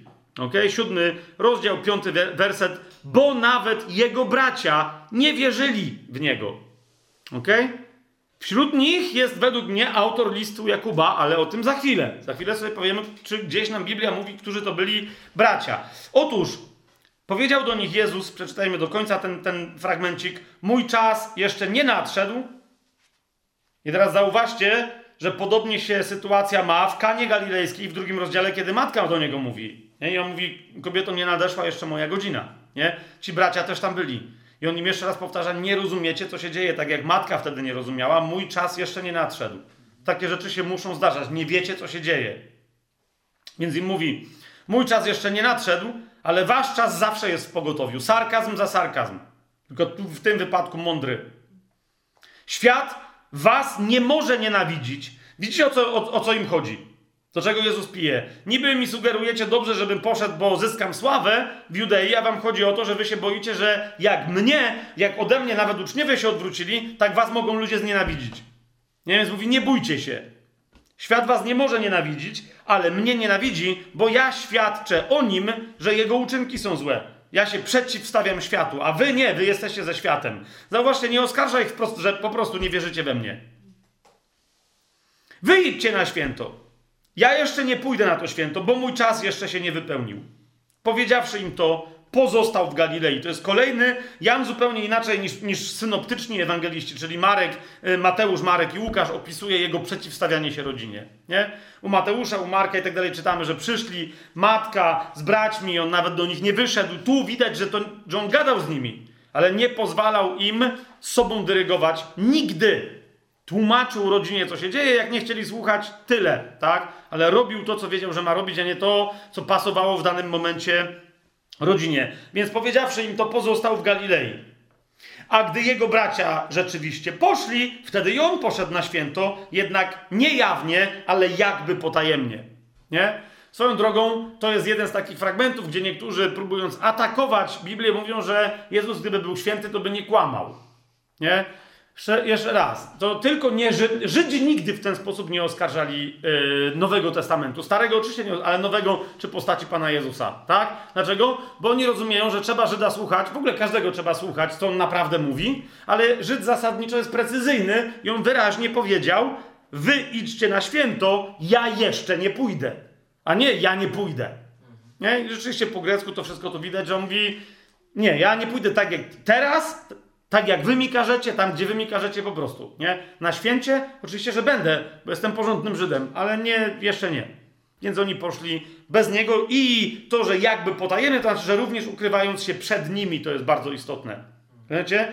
On wiedział, że ich niewiara w niego jest tak przeszyta strachem, że jak go ktoś będzie szukał, to oni wiedząc, gdzie on jest, mogliby go wydać, a to nie była ich rola, że się tak wyrażę. Amen? Mamy to? Okej, okay. w takim razie, no ale skąd my wiemy, że ci bracia rodzeni Pana Jezusa, że jakieś imiona mieli? No jak słowo daje. Ewangelia Mateusza, bo oczywiście, yy, no ale chociażby, tak? Pierwsza Ewangelia, Ewangelia Mateusza, trzynasty rozdział. W 54 i 55 wersecie czytamy: Przyszedłszy w swoje rodzinne strony, nauczał ludzi w ich synagodze, także się bardzo zdumiewali i mówili: Skąd on ma tę mądrość i moc? Czyż to nie jest syn cieśli? Czyż jego matce nie jest na imię Maria, uwaga, a jego braciom Jakub, Józef, Szymon i Juda? Widzicie go? Tu mamy Jakuba, brata pańskiego. Żaden inny jego. Poza tym, wiecie, to już, już, już bez przesady, tak? W jednej ekipie mogło się znaleźć dwóch Jakubów, tak? Zebedeuszowy i Alfeuszowy. Mogli? Mogli. Ale już bez przesady, żeby tak kreatywna kobieta jak Maria, żeby miała 17 synów, każdego o imieniu Jakub. No nie? Więc nie, tu już raczej był jeden Jakub, tak? Jeden był Jakub na cześć praojca czy pradziadka wszystkich Żydów. Jakuba, Izraela we własnej osobie, jeden Józef na cześć taty, jeden Szymon na cześć lwa Judy i tak, rozumiecie, tu jest jeden Juda. No właśnie! Tak? Więc, ale to jest, to jest to. Nie ma żadnego innego Jakuba, brata Jezusa. Czy to jest jasne? Nie? Niektórzy mówią, nie, tu chodzi o to, że oni mówią o kuzynach, których sobie później Jezus wybrał. O Jakub, wiecie, o Jakubie, bracie Judy, no bo tu jest napisane, że są bracia Jakub i Juda. Już wiecie o co chodzi? Dlaczego nagle przy Judzie, który był synem Jakuba, pojawia się, że był bratem Jakuba? Bo chodzi o to, żeby wyprodukować, że to, są, że to jest ten Jakub i Juda, o którego tutaj chodzi. Ale że oni są tak naprawdę Alfeuszowi i nie są rodzonymi braćmi Jezusa. Czy rozumiecie, co się, co się tam wydarzyło? Dlatego tam dziwacznie w tym jednym miejscu nagle Juda nie jest synem Jakuba, tylko jest bratem Jakuba. Czemu? Żeby powiedzieć, no bo to są ci goście. Maria nie miała swoich dzieci innych niż tylko Jezusa, ależ miała. Ci ludzie. Wiecie, kto w ogóle wie, jaka to jest logika, rozumiesz? Że ktoś się powołuje i mówi, o siedzi, tu siedzi taki Błaszkiewicz. No co, ja go nie znam? No, halo. Tata jego stolarz nie był? Mebli nie robił, mama jego nie ma na imię tak i tak i nagle zaczął wymieniać moich kuzynów z Opoczna. Wiecie o co mi chodzi? Czy skądś? Serio? Wszyscy trochę się zgubiliśmy, co? No chyba, że powiedział, no czy jego siostra nie ma na imię... Wiecie o co mi chodzi? A, no tak, no przecież, no rzeczywiście, no nie? Nie tylko, że to jest ten chłop, nie tylko, że to jest ta tożsamość, to jest ta rodzina, którą my znamy, no rzeczywiście, no przecież to, to, to nie jest jakiś inny Jezus, nie? Więc tu są jego podani zdecydowanie rodzeni e, bracia. W Ewangelii Marka, jak ją sobie e, otworzymy, e, w szóstym rozdziale, tam mamy, to zobaczcie, to jest jeszcze lepiej pokazane, tak? Dokładnie ta sama sytuacja, tylko Marek przedstawia tam jeszcze tam ciekawiej tą wypowiedź, jak ona mogła brzmieć niektórych ludzi. Szósty rozdział Ewangelii Marka, drugi i trzeci werset. Wielu zaś słuchając go zdumiewało się i pytało, skąd on ma to wszystko i co to za mądrość, która jest mu dana, że nawet takie cuda dzieją się przez jego ręce. Czy to nie jest cieśla? Zauważcie, to był Jezus, to był cieśla, syn cieśli. Czy to jest jasne? E, to, bo niektórzy mówią, że nie ma nigdzie napisane, że Jezus był cieślą, tylko że, jego ta, że jest synem cieśli. W Ewangelii Mateusza, w Ewangelii Marka mówią, czy to nie jest nasz cieśla. Syn Marii, a brat Jakuba, czy jeszcze raz rozumiecie, czy jego matka nie ma na imię i nie mówią, no a jego bracia, kuzyni nie mają na... Ale tu jest wyraźnie, syn Marii, a brat, czyli rodzony brat, która ma innych też synów, tak? A brat Jakuba, Józefa, Judy i Szymona. Czy nie ma tu wśród nas także jego sióstr? I gorszyli się z jego powodu. Widzicie to? Nawet siostry są wspomniane. Nawet siostry są wspomniane. To, to, chodzi o tego Jakuba, czy to jest jasne? Ja, Pan Jezus miał brata, to był brat rodzony i to był Jakub. Miał też innego brata, który miał na imię Juda. Tabadam, ale do listu Judy jeszcze nie doszliśmy, czy to chodziło też o tego gościa. Bo by się okazało, że dwóch rodzonych braci Pana Jezusa ma jakieś teksty w Biblii. A czemu nie? Nie? Niemniej, kochani, tak, ci, rozumiecie, to są ci bracia. Wielu egzegetów nawet mówi wyraźnie, że jeżeli oni tu są wymienieni z nazwiska, to znaczy, że sióstr nie wiadomo ile było, dwie czy siedem, ale miał czterech braci Jezus. Ok? Miał czterech braci i oni są tutaj dokładnie wymienieni. Jakub, e, Józef, Szymon i Juda. To są imiona braci Jezusa. Jeden z nich miał na imię Jakub. Wielu powiada, że to był najstarszy, drugi po Panu Jezusie. Nie? I że w momencie, kiedy jest powiedziane, że matka Jezusa i bracia przyszli, to zasadniczo nie ma podstaw, żeby sądzić, że ich było jeszcze więcej. Tylko, że ci czterej z imienia, jak w innych miejscach mamy ich niewymienionych, to byli oni, tych czterech. Banda czworga. Przeciwko najstarszemu. Na czele z Jakubem. Drugie dziecko. Kto ma wiedzieć, ten wie. Nie będę teraz wnikać. Tak? Drugie dziecko. Drugorodny. Jakub. Tak? A teraz rozumiecie, jeżeli więc przychodzą. Dlaczego to jest istotne? Bo pomyślcie sobie, co się tu wyprawia. Jak Jezus tak często mówi o tym, że trudno jest być, albo wręcz, że nie da się być prorokiem we własnym domu. Nie? Zanim w ogóle przejdziemy dalej, czy który to był autor listu Jakuba, czy, czy to rzeczywiście ten Jakub, rozumiecie, myślę, że my jako chrześcijanie musimy się wreszcie przebudzić do tego, e, żebyśmy przestali być pod tym względem poganami w naszych sercach i w naszym myśleniu. Nie? Jak często przypisujemy moce cudotwórcze, autorytet dowolny, proroczy, cudotwórczy, nauczycielski i tak dalej, ludziom, których nie znamy, dlatego że ich nie znamy. Nie? Ostatnio, jak mieliśmy modlitwę, brat Łukasz, tak? E, żadnego zdziwienia z mojej strony, tylko było amen. Ale, ale, wiecie, ale wiem, bo tam jedna osoba potem Coś tam mi wspomniała, nie będę teraz komentować, ale nie wiem, czy pamiętacie, jak brat Łukasz się pomodlił, dziękując za wielką mądrość mojej żony. Nie? Za wielką, pamiętasz to? Za, za, za dar mądrości jej, tak? I teraz, rozumiesz, e, jest e, rozpoznany przez tam pięć osób na krzyż w Polsce, ale zawsze pięć osób z krzyżem, ważne, że jest krzyż, wiecie o co mi chodzi, no nie? Ale zawsze, jako wielki tam, załóżmy, nauczyciel, a teraz ktoś mówi, a ten nauczyciel ma żonę, która jest bardzo mądra, tylko która nie jest za bardzo znana, może nawet z tego, jak łatwo byłoby mnie, nie do, ale pamiętasz, co ja wtedy powiedziałem jako pierwszy? Że amen.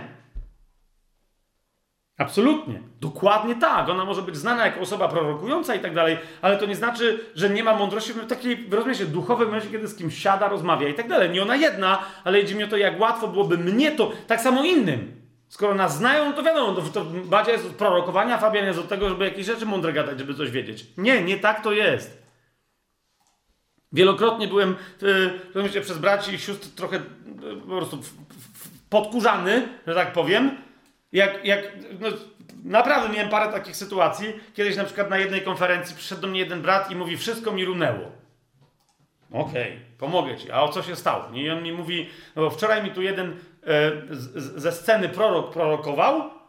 Tak, dzisiaj rano po śniadaniu, zanim się jeszcze wszystko zaczęło, tam kolejne jakieś sesje na konferencji i poszedłem na siłownię, bo ja tam coś tam muszę ćwiczyć i mówi, się z tym prorokiem spotkaliśmy.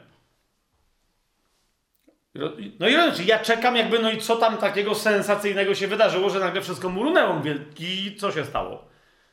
On mówi, no, no co? No był na siłowni. Rozumiecie? To było takie. On musi, ja nie wiem co, od rana, od piątej latać, wiecie, w powietrzu, jakaś nirwana, jakieś znaki, on musi się modlić całą dobę czy coś, nie? Zresztą, że on mógł być w siłowni i się modlić. Na wczoraj akurat, tak, w ramach swojego treningu miałem dosłownie. Yy, to jest też dobra okazja, żeby się modlić, bo, bo zwłaszcza przy ciężarach trzeba się skupić, nie, ma się, nie, nie da się gadać wtedy z innymi, trzeba być skoncentrowanym, to ja się wtedy modlę, tak, żebym się sztangą nie zabił. Więc e, i miałem wczoraj, byłbym się zabił, bo miałem bardzo istotne objawienie, naprawdę, którym się potem zaraz, jak tylko skończyłem ćwiczyć, podzieliłem z, z bratem Tymkiem. Rozumiecie, o co mi idzie? Ale to jest takie, więc tam chłop, a on, rozumiecie, zobaczył go nagle spoconego, o to tylko chodzi, na, na jakiejś tam bieżni i uznał, więc stary, ale naprawdę prorok ma jakieś, nie wiem, specjalne liposukcje, odsysania i, i Bóg mu ma dbać o zdrowie, czy on ma dbać o swoje zdrowie? Co się w ogóle dzieje z tobą? Nie on, zobacz, no i jak to może być prawdziwy prorok, bo on biegał na bieżni? To nie, to on nie mógł przez to przejść, nie? Rozumiesz, że on też do toalety chyba chodzi? Czy uważasz, że prorocy i wszyscy święci mężowie Boży już zasadniczo nie sikają? A już dwójeczka to już zapomnij, to już na pewno nie. Przecież nic nie jedzą przez całe życie od tej pory, chodzą na duchowej kroplówce. Czy co się dzieje? Rozumiecie, o co mi idzie? I teraz, jak ludzie mówią, że ja, ci tu byli jacyś bracia Pana Jezusa i w Niego nie wierzyli, kapujesz, masz dzisiaj brata, siostrę, męża, żonę, tatę, mamę, córkę, brata, z którymi mieszkasz pod jednym dachem, tak? Jesz z nimi, widzisz ich bycie ludźmi. I my często sam fakt bycia ludzkimi, wiecie, bierzemy za słabość. I jednocześnie, skoro widzimy, że ktoś jest słaby, bo jest ludzki, to w związku z tym nie może być wielkim mężem Bożym. A Paweł mówi, właśnie to jest dokładnie dla te, dlaczego ja cały czas chlubię się moimi słabościami, żebyście widzieli, że te wielkie rzeczy przeze mnie przechodzą i należą do łaski Pana, a nie ja je z siebie naturalnie produkuję. Więc dla, dlaczego my oczekujemy, rozumiecie, że tylko niezwykli dziwni ludzie, o, o, o których mogą produkować fantastyczne cuda Boże. Zwłaszcza, że oni nie są niezwykłymi, dziwnymi ludźmi. Wie, wiecie o co mi chodzi, tak? To jest tylko tyle, że my sobie wyobrażamy o nich dziwne rzeczy, bo ich nie znamy. Tak? Ale w momencie, kiedy ty już znasz kogoś na tyle, żeby wiedzieć, jak brzmi jego sikanie, jak pójdzie do toalety, bo, bo z nim razem mieszkasz, nie? A jak coś, to najwyżej to potem wytniesz. Ale, yy, ale, ale zróbmy to, no nie? Powiem wam o pytaniu, które mi kiedyś brat Tymoteusz zadał. Ok? Jak coś, to, to potem wytniesz, a jak nie, to zostanie, że ja mówiłem, że jak coś, to, to potem wytniesz. Nie? No to przecież sami swoi. Pamiętam, że gdzieś przy którejś z naszych wypraw, bo mieliśmy wiele wypraw, nie tylko z Tymkiem, tak? Ale o to, że mieliśmy wiele wypraw. E, kiedyś jakaś taka sytuacja miała miejsce, że gdzieś tam naprawdę była długa jakaś podróż i żeśmy poszli, e, tankowaliśmy i żeśmy poszli do kibelka mniej więcej w tym samym czasie na stacji benzynowej. Nie wiem, czy to pamiętasz. I teraz ja nie pamiętam, kto konkretnie tam poszedł na jedynkę, a kto na dwójkę, ale wiem, że potem zadałeś mi pytanie, po którym ty sam się zacząłeś śmiać, ja się zacząłem śmiać, co się tu w ogóle odwala i tak dalej, bo ty mi zadałeś pytanie, czy nie jest dla mnie niekomfortowe, kiedy w momencie, kiedy jesteśmy w takim kiblu e, na stacji benzynowej, gdzie tam tylko ścianka działowa nas dzieli, no a jeden robi to, a drugi robi tamto i jakby wtedy, no nie, czy, czy, czy nie wiem, czy nie, ja się nie obawiam, że mój wielki autorytet kogoś w twoich oczach mógłby upaść, albo odwrotnie. Pamiętasz to? Nie widzę, no ale zaraz jak zadałeś to pytanie, to nagle tak, nie? Jakbyś w moich oczach, jak w lustrze zobaczył, jak ty teraz wyglądasz i jakby to było takie serio, naprawdę, ktoś tu ma, naprawdę? I teraz, wiecie, opowiadałem tym trochę tak, okej, okay, my tu, no, ja, że się poniżyłem, brat Tymek tu najwyżej potem wytnie, no to, to już tylko wy wiecie o tym, że ja to powiedziałem, ale chodzi mi o to, że zobaczcie, że my a potem się dziwimy, że ludzie, którzy, rozumiecie, do tego samego kibelka, co Pan Jezus chodzili, że potem mieli problem, żeby w nim rozpoznać jakąś niezwykłą wielkość, zwłaszcza, że przez 30 lat swojego życia on był tylko najstarszym e, e, ich, wiecie, bratem i może różnymi tam rzeczami coś demonstrował, ale za każdym razem to było, no, no tak, ale ostatnio, jak pił kawę, to siorbnął. Nie? Może Pan Jezus, nie wiem, nie sior... inna rzecz, siorbanie to nie grzech, bo inaczej by wszyscy Azjaci mieli również ten grzech na sumieniu, tak? A chodzi mi o to, że miał Pan, Pan Jezus był, wiecie, widać było, nie? Że tu mu się włos zawinął, tu se brody nie uczesał, tu czegoś nie przystrzegł. Czy to jest jasne, co, o, o czym ja teraz gadam, kochani? Dlaczego o tym mówię, zanim pójdziemy dalej? Bo jest czas najwyższy, żebyśmy zaczęli doceniać Pana, który mieszka w nas, a nie ludzi, którzy udają, że Pan ich tak przemienił, że już przestali być ludcy. Wiecie o co mi chodzi? Dziwnie się ludzi ubierających w kościele, przyjmujących dziwne pozy, dziwnie mówiących, dziwnie głoszących, dziwnie się modlących itd., tak itd. Ponieważ Biblia o takich udziwacznionych ludziach cały czas tylko i wyłącznie mówi, że robią to na pokaz, nic więcej. Żeby udowodnić więcej niż mają. Paweł mówi: Ja demonstruję swoje słabości, chlubię się cały czas swoimi słabościami. Tu mnie pobili i, i mi było ciężko, tam mój bliski współpracownik był chory i wcale niekoniecznie go od razu uzdrowiłem i tak dalej. Nie będę tego wszystkiego tłumaczył, bo to nie przeczy wielkiemu dziełu Bożemu, które Pan przeze mnie, którego Pan dokonywał, dokonuje i jeszcze dokona. Amen? Nie, nie musi. Więc to jest to, my jako chrześcijanie powinniśmy wreszcie wyciągnąć lekcję z tego, jak Jezus był nierozpoznany i zamiast mówić o słabości jego mamy, czy braci, czy sióstr Jezusa, które swoją drogą nigdy nie były, zauważcie, oskarżone o to, że w niego nie wierzyły, ani jego mama, ani jego siostry, tylko bracia. Zwróćcie uwagę. Więc żebyśmy teraz o nich myśleli. Dlaczego? Ponieważ kto ma większy problem? Nie mówię, że grzech, ale kto ma większy problem? Bracia Jezusa, że w nim nie rozpoznali Bogo człowieka Mesjasza? Czy my, kiedy już znamy Bogo człowieka Mesjasza, mamy od niego życie na wieki, kiedy go nie rozpoznajemy w braciach i siostrach?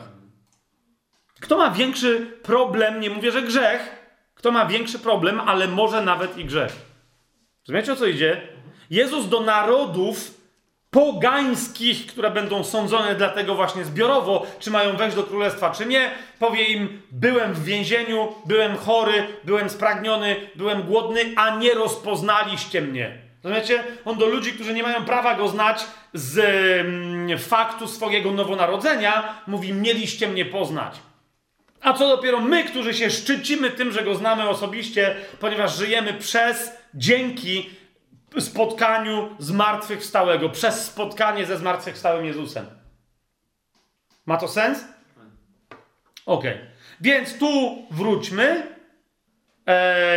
Tak, przeczytaliśmy już w siódmym rozdziale Ewangelii Jana, że uczniowie że, przepraszam, bracia rodzeni Jezusa w Niego nie, nie wierzyli. Że ci bracia, Ewangelia Marka, 6 rozdział, 3 werset, podobnie jak Mateusz o tym mówi, to byli Jakub, Józef, Juda i Szymon, ale co w tym wszystkim jest istotne?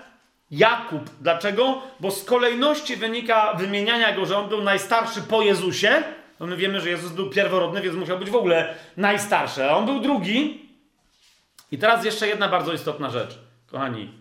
Nie wiem, jak wy dobrze pamiętacie różne fragmenty z Biblii i tak dalej, ale nie mam nikomu nigdy za złe, jeżeli takich rzeczy nie pamięta. Niemniej nie jest to jedyny raz, uważajcie, przed w niebo wstąpieniem Pana Jezusa, kiedy jest wspomniany brat Jezusa, jeden konkretny, i jest to znowu Jakub, i tylko i wyłącznie Jakub na tym etapie. Ok? Gdzie? Zaskoczę was tu i pamiętajcie o tym, co teraz powiem, kiedy znowu coś później powiem, bo nie wiem, czy zrobię bezpośrednio odniesienie a propos apostoła Pawła, ale kto wspomina, rozumiecie, z tak niezwykłym szacunkiem, swoją drogą, kto wspomina z niezwykłym szacunkiem o Jakubie? Ok? Ty, yy, bracie, bracie Pana Jezusa, niekoniecznie o autorze listu Jakuba, tylko i wyłącznie Paweł. Tylko i wyłącznie Paweł.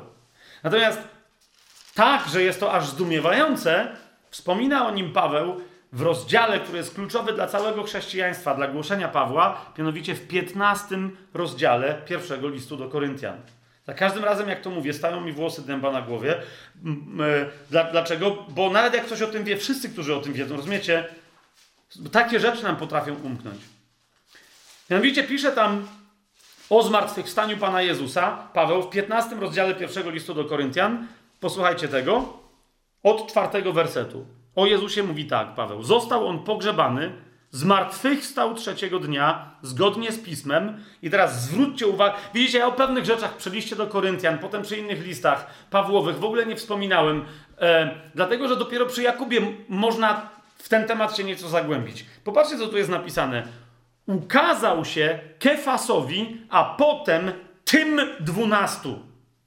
Nawet UBG tutaj ma, nawet UBG, UBG ma, ma bardzo dobre tłumaczenie, a więc ukazał się Kefasowi jako przywódcy, jako w cudzym słowie głowie tych apostołów, którzy byli nazywani dwunastką.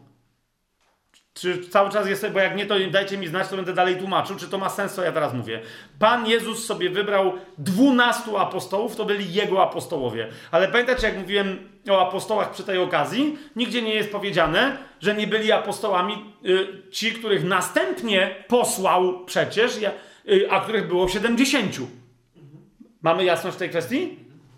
Teraz ale też nie ma napisane, że byli nazwani apostołami. My tylko wiemy, że tych dwunastu apostołów to była grupa, która się w ogóle nazywała dwunastu, dlatego potem jak Judasz odpadł, musieli do niej dobrać jednego, bo musiało być dwunastu, bo to była dwunastka. Czy to ma sens? Tak? Do grupy wybranej przez Jezusa, którą my dlatego nazywamy albo po prostu dwunastoma, zwłaszcza Ewangelia Marka, niektórzy ją wprost nazywają Ewangelią dwunastu. Czemu? Bo tam prawie w ogóle nie ma mowy o tej konkretnej grupie jako o apostołach, ale jako o dwunastu. Konkretnym greckim, to jest jak, jak nazwa własna dla tej grupy. Nie? W wielu innych miejscach też. Zatem, komu się ukazał Pan Jezus? Kefasowi, a potem tym dwunastu. Którym dwunastu? No tym, z których był Kefas. Jasne? Patrzcie dalej. Potem ukazał się więcej niż pięciuset braciom naraz, z których większość żyje aż do teraz, chociaż niektórzy zasnęli. A potem, no i tu jest zdanie, które jest sensacją. Potem ukazał się Jakubowi, a potem wszystkim takim apostołom. Teraz, rozumiecie, e, nie ma za bardzo sensu w, te, w, narracji Pawła, podobnie jak w żadnej innej narracji, żeby tu chodziło o y, y, Jakuba, który jest czyimś tam ojcem któregoś z apostołów. Tak? Y, Jakuba, ojca Judy. Więc nie o niego chodzi. Nie chodzi też o Jakuba starszego i Jakuba mniejszego. Czemu? Ponieważ oni są w tej pierwszej dwunastce. Więc komu się Jezus pokazał po swoim zmartwychwstaniu? Widzicie to? Swojemu rodzonemu bratu. Zauważcie, jak to jest sensacyjne, że nie jest nawet wspomniana matka Jezusa, która stała pod krzyżem, ale jest wspomniany y, Jakub. Nie? Tam się musiało coś wydarzyć. My nie wiemy co. Ale jeżeli ten człowiek, jestem teraz bardzo tym poruszony, tą, tą, dla kogoś z Was albo kogoś, kto będzie tego kiedyś słuchał, musi mieć wielkie znaczenie. Jeżeli ten człowiek jest autorem listu Jakubowego, to, to, to miej to bracie, czy miej to siostro w pamięci.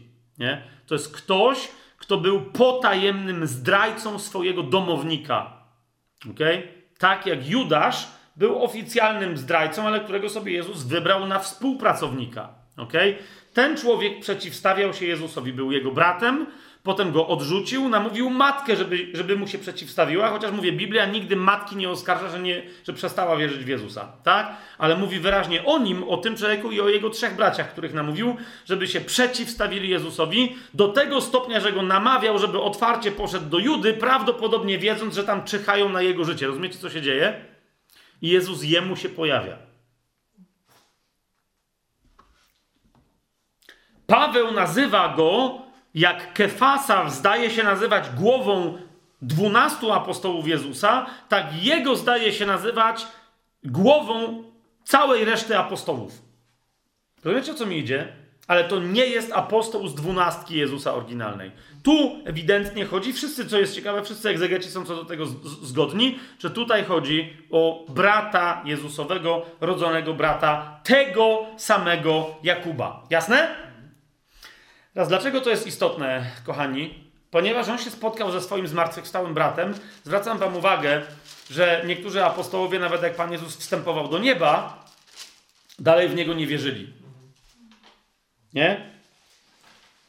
Eee, ale ewidentnie to, że Jezus mu się pokazał, a Paweł to wyraźnie zaznacza, że on się pokazał temu Jakubowi, było wyrazem jego wiary. Rozumiecie, tam się musiało coś stać. Pod krzyżem, z daleka, po krzyżu, kiedy zobaczył różne znaki, kiedy rozmawiał Jakub ze, ze, ze swoją i Jezusa mamą.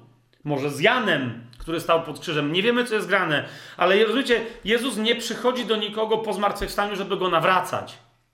Słyszycie, co, o co mi idzie? On przychodzi tylko do już nawróconych ludzi, którzy w Niego wierzą, lub tych, których wybrał, aby w tej wierze, którą w Niego mieli, ich umocnić, tak jak tak zwanego niewiernego Tomasza, tak? Inni apostołowie dalej nie byli pewni, mieli wątpliwości, ale nie tak, że nie mieli kompletnie wiary.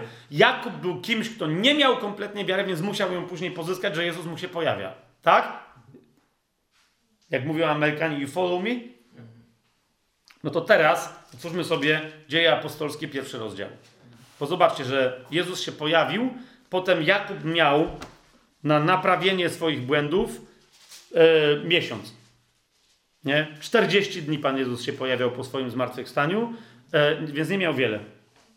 Nie? Miał, miał trochę ponad miesiąc, żeby naprawić swoje błędy. I teraz zobaczcie, dzieje apostolskie, pierwszy rozdział. kto razem z apostołami siedział na modlitwie w wieczorniku? Kto tam przyszedł? Ci wszyscy, czyli 11 oryginalnych apostołów Pana Jezusa, bez Judasza, ci wszyscy trwali jednomyślnie w modlitwie i prośbach razem z kobietami, z Marią, matką Jezusa i jego braćmi. I jego braćmi. Kochani, ee...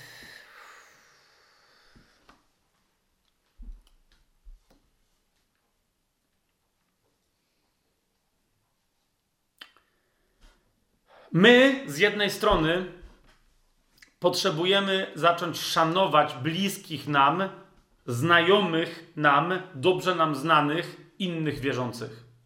Potrzebujemy siebie nawzajem przestać znać według ciała, ponieważ wtedy upadamy w niewiarę, w brak szacunku, w brak rozpoznania, obdarowania braci i sióstr. Powinniśmy się przestać znać już według ciała, jak pisze Paweł, ale znać tylko i wyłącznie według ducha, żeby widzieć Jezusa w braciach i siostrach, zwłaszcza tych, którzy są naszymi współdomownikami, którzy są w tym samym kościele domowym, w tym samym zborze. Nieważne, wiecie o co mi chodzi, tak? Ale też jednocześnie nie powinniśmy bałamucić się nawzajem.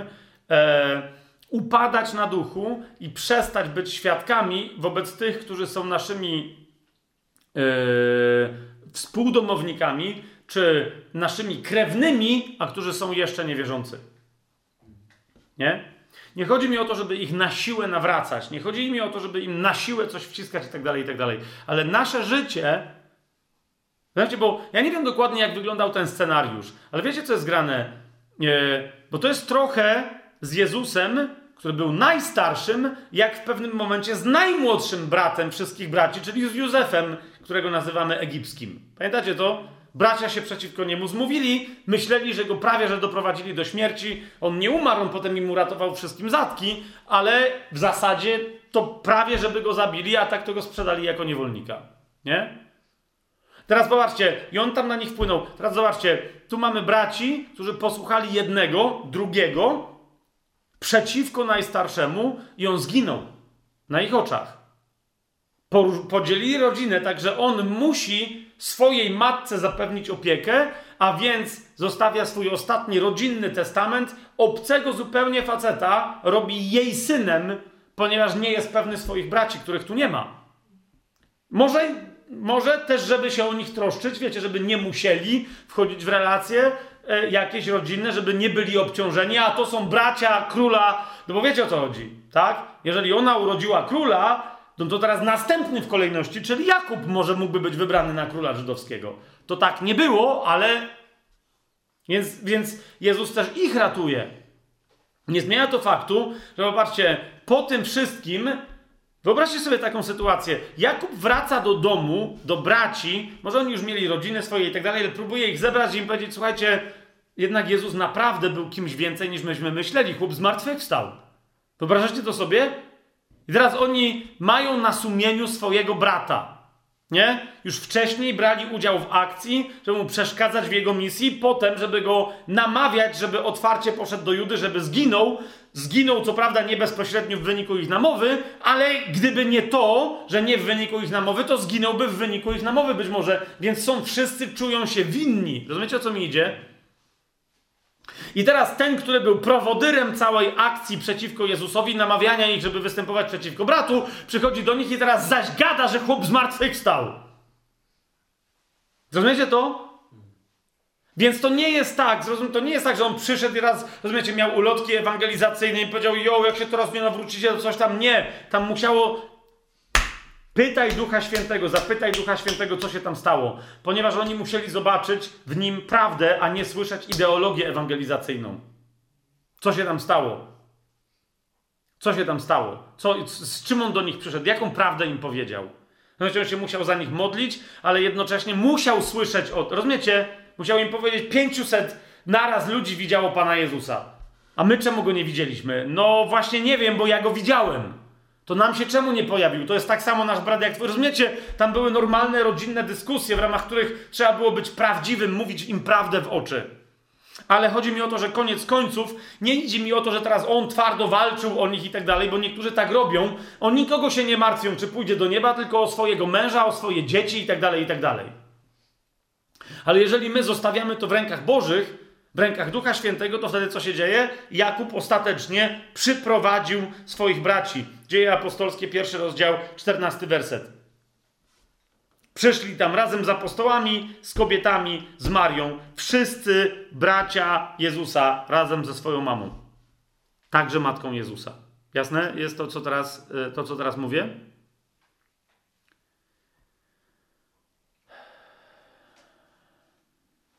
Dzisiaj informację ktoś mi podał, e, bardzo bliska mojemu sercu e, e, osoba, w sensie taka bliska ze sercu mojemu osoba, to jest moja żona, żeby to było jasne, ale w tym dalsza część teraz mojej wypowiedzi nie będzie miała sensu. W każdym razie moja córka duchowa,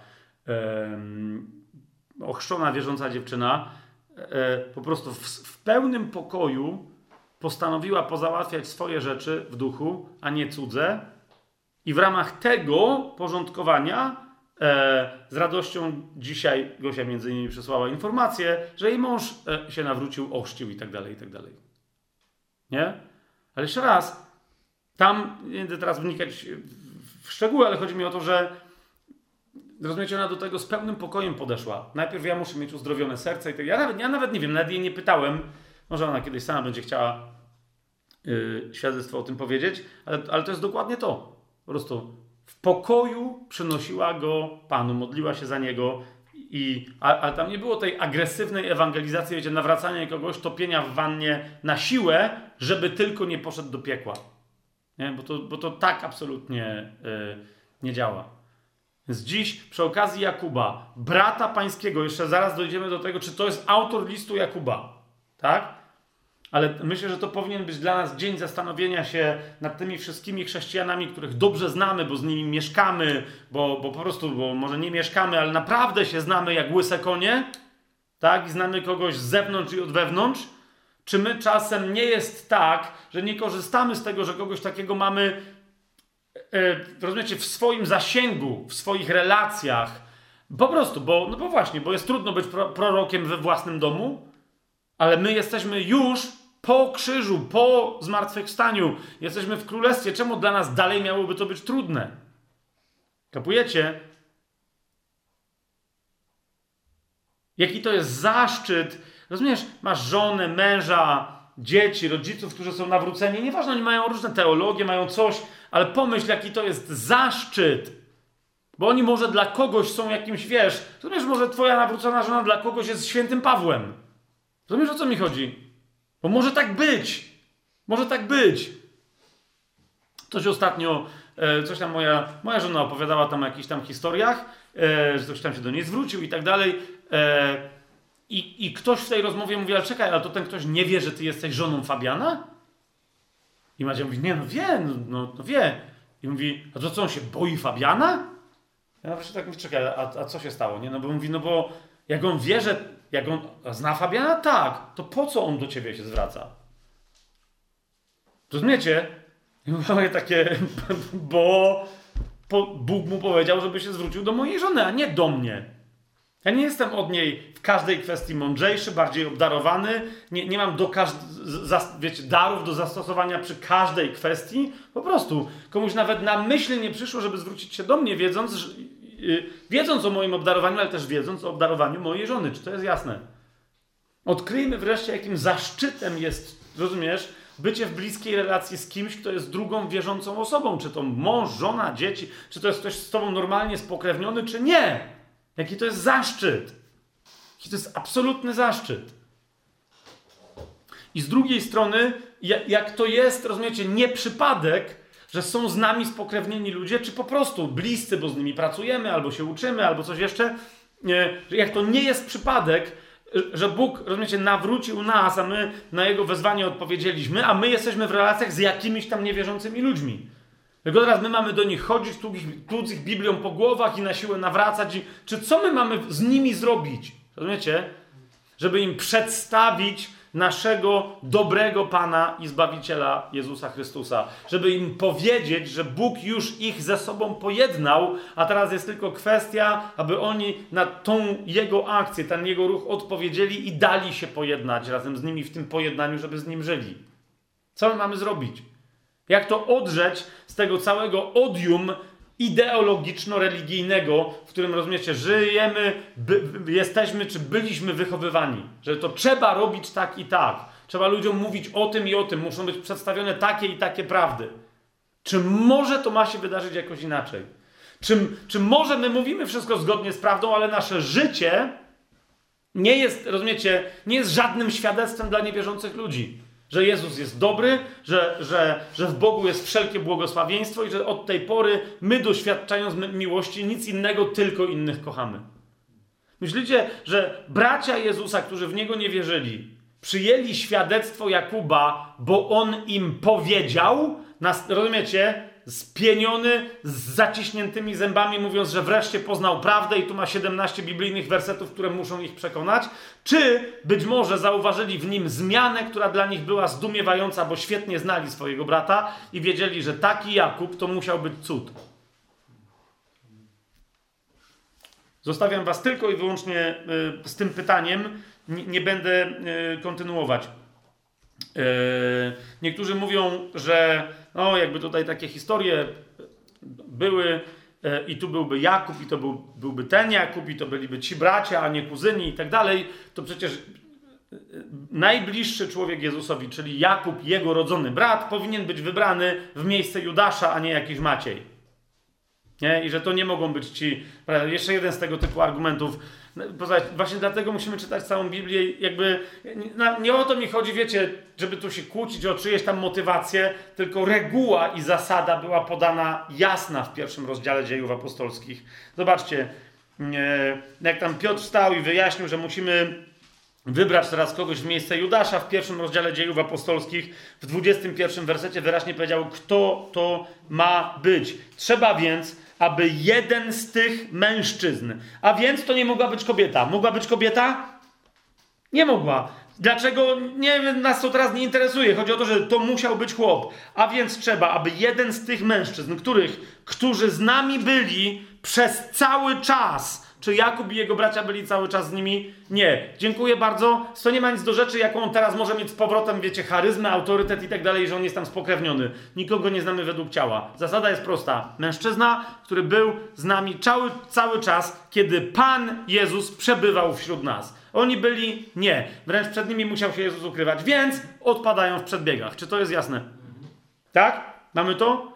Czytamy całą Biblię, żeby się potem nie wdawać w niepotrzebne yy, dyskusje. Kochani, otwórzmy sobie, jak już jesteśmy w dziejach apostolskich, otwórzmy sobie yy, rozdział dziewiąty. Hmm? Dlatego, że niektórzy mówią, no tak, no to później Jakub to się dopiero na końcu dziejów apostolskich pojawia. No nie wiem. Bo po pierwsze nie na końcu, tylko jak widzimy na początku i w pierwszym rozdziale, on tam musi być. Po drugie, nie wprost, ale Łukasz, bardzo bliski, jeden w pewnym z najbliższych współpracowników Pawła, pisze o czymś, o czym później Paweł dopowiada pewną kwestię, i my wiemy, że Jakub się ewidentnie pojawia w jednym miejscu, mianowicie w dziewiątym rozdziale, w dwudziestym szóstym wersecie. Po tym, jak Paweł ucieka, jeszcze jako Szaweł, ale już nawrócony Szaweł, ucieka z Damaszku, w 26 wersecie czytamy, kiedy Szaweł przybył teraz to nie jest tak, że wiecie, dwa dni później, tak? Tam są różne y, rozciągnięcia czasowe, ale teraz nie będziemy tego rozważać, gdy Szaweł przybył do Jerozolimy, usiłował przyłączyć się do uczniów, ale wszyscy się go bali, a, y, bo nie wierzyli, że jest uczniem. Nie wierząc w to, że jest uczniem, ale Barnaba go przyjął, zaprowadził do apostołów i opowiedział im jak i tak dalej, i tak dalej. Nie? Precyzyjniej na ten temat pisze, opisuje nam tę historię Paweł w liście do Galacjan, niż Łukasz. To nie było jego zadanie, żeby tu precyzyjnie opisywać co, kto, z kim, dlaczego i po co, tak?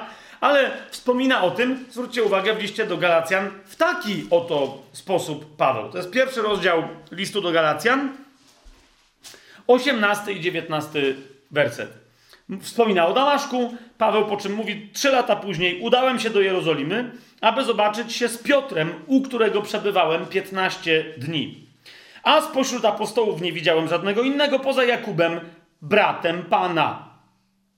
Oświadczam przed Bogiem, że w tym, co do was piszę, nie kłamie i potem jeszcze dodaje, nie byłem osobiście znany kościołom Judei na czele z jerozolimskim, które są w Chrystusie. Słyszeli tylko ten, który kiedyś nas prześladował, teraz głosi wiarę, którą przedtem niszczył. Ale to, co pisze Łukasz, Paweł też potwierdza, że był w Jerozolimie, no i nikt się z nim nie chciał widzieć, nikt go nie znał, tylko coś ludzie słyszeli, ale nie chcieli się z nim kontaktować. Z tych wszystkich apostołów, e, do których Barnaba go rzekomo zaprowadził, e, Barnaba, jak widzimy, zaprowadził go do Piotra i do Jakuba. I teraz niektórzy mówią, no więc, ale Jakub nie należy do oryginalnych, brat pański nie należy do oryginalnych przecież apostołów Pana Jezusa. Więc jaki tu jest Jakub apostołem, który jest bratem Jezusa? Więc mówią, najwyraźniej to był jednak Jakub starszy e, albo Jakub mniejszy, który był bratem przez kuzynostwo bo nie może chodzić o prawdziwego brata pańskiego. Nie? Kochani, od razu rozwiążmy pewne e, nieścisłości. Bo zauważcie, ja już parokrotnie powiedziałem wam o tym, że jest jeden apostoł, który jest nazywany bratem Pana Jezusa, lub że Jakub, brat Pana Jezusa, jest nazywany apostołem. Zgadza się? Teraz przeczytałem, co przeczytałem i rozpoczynam jakąś dyskusję. Wy jesteście gotowi pomyśleć, że naprawdę Biblia gdzieś nazywa brata pańskiego Jakuba apostołem, a nazywa. Teraz zauważcie, co się dzieje. O, o co czasem niektórzy się kłócą w kościele przez całe stulecia bywa. Otóż mamy tutaj napisane jeszcze raz. Aby się zobaczyć z Piotrem, u którego przebywałem 15 dni, a spośród apostołów nie widziałem żadnego innego poza Jakubem, bratem Pana. Widzicie to? Gdybyż tylko tak w języku greckim było napisane. Otóż w języku greckim mamy napisane: Potem trzy lata później udałem się do Jerozolimy, aby zobaczyć się z Piotrem, u którego przebywałem 15 dni. Spośród apostołów żadnego innego nie widziałem. Kropka.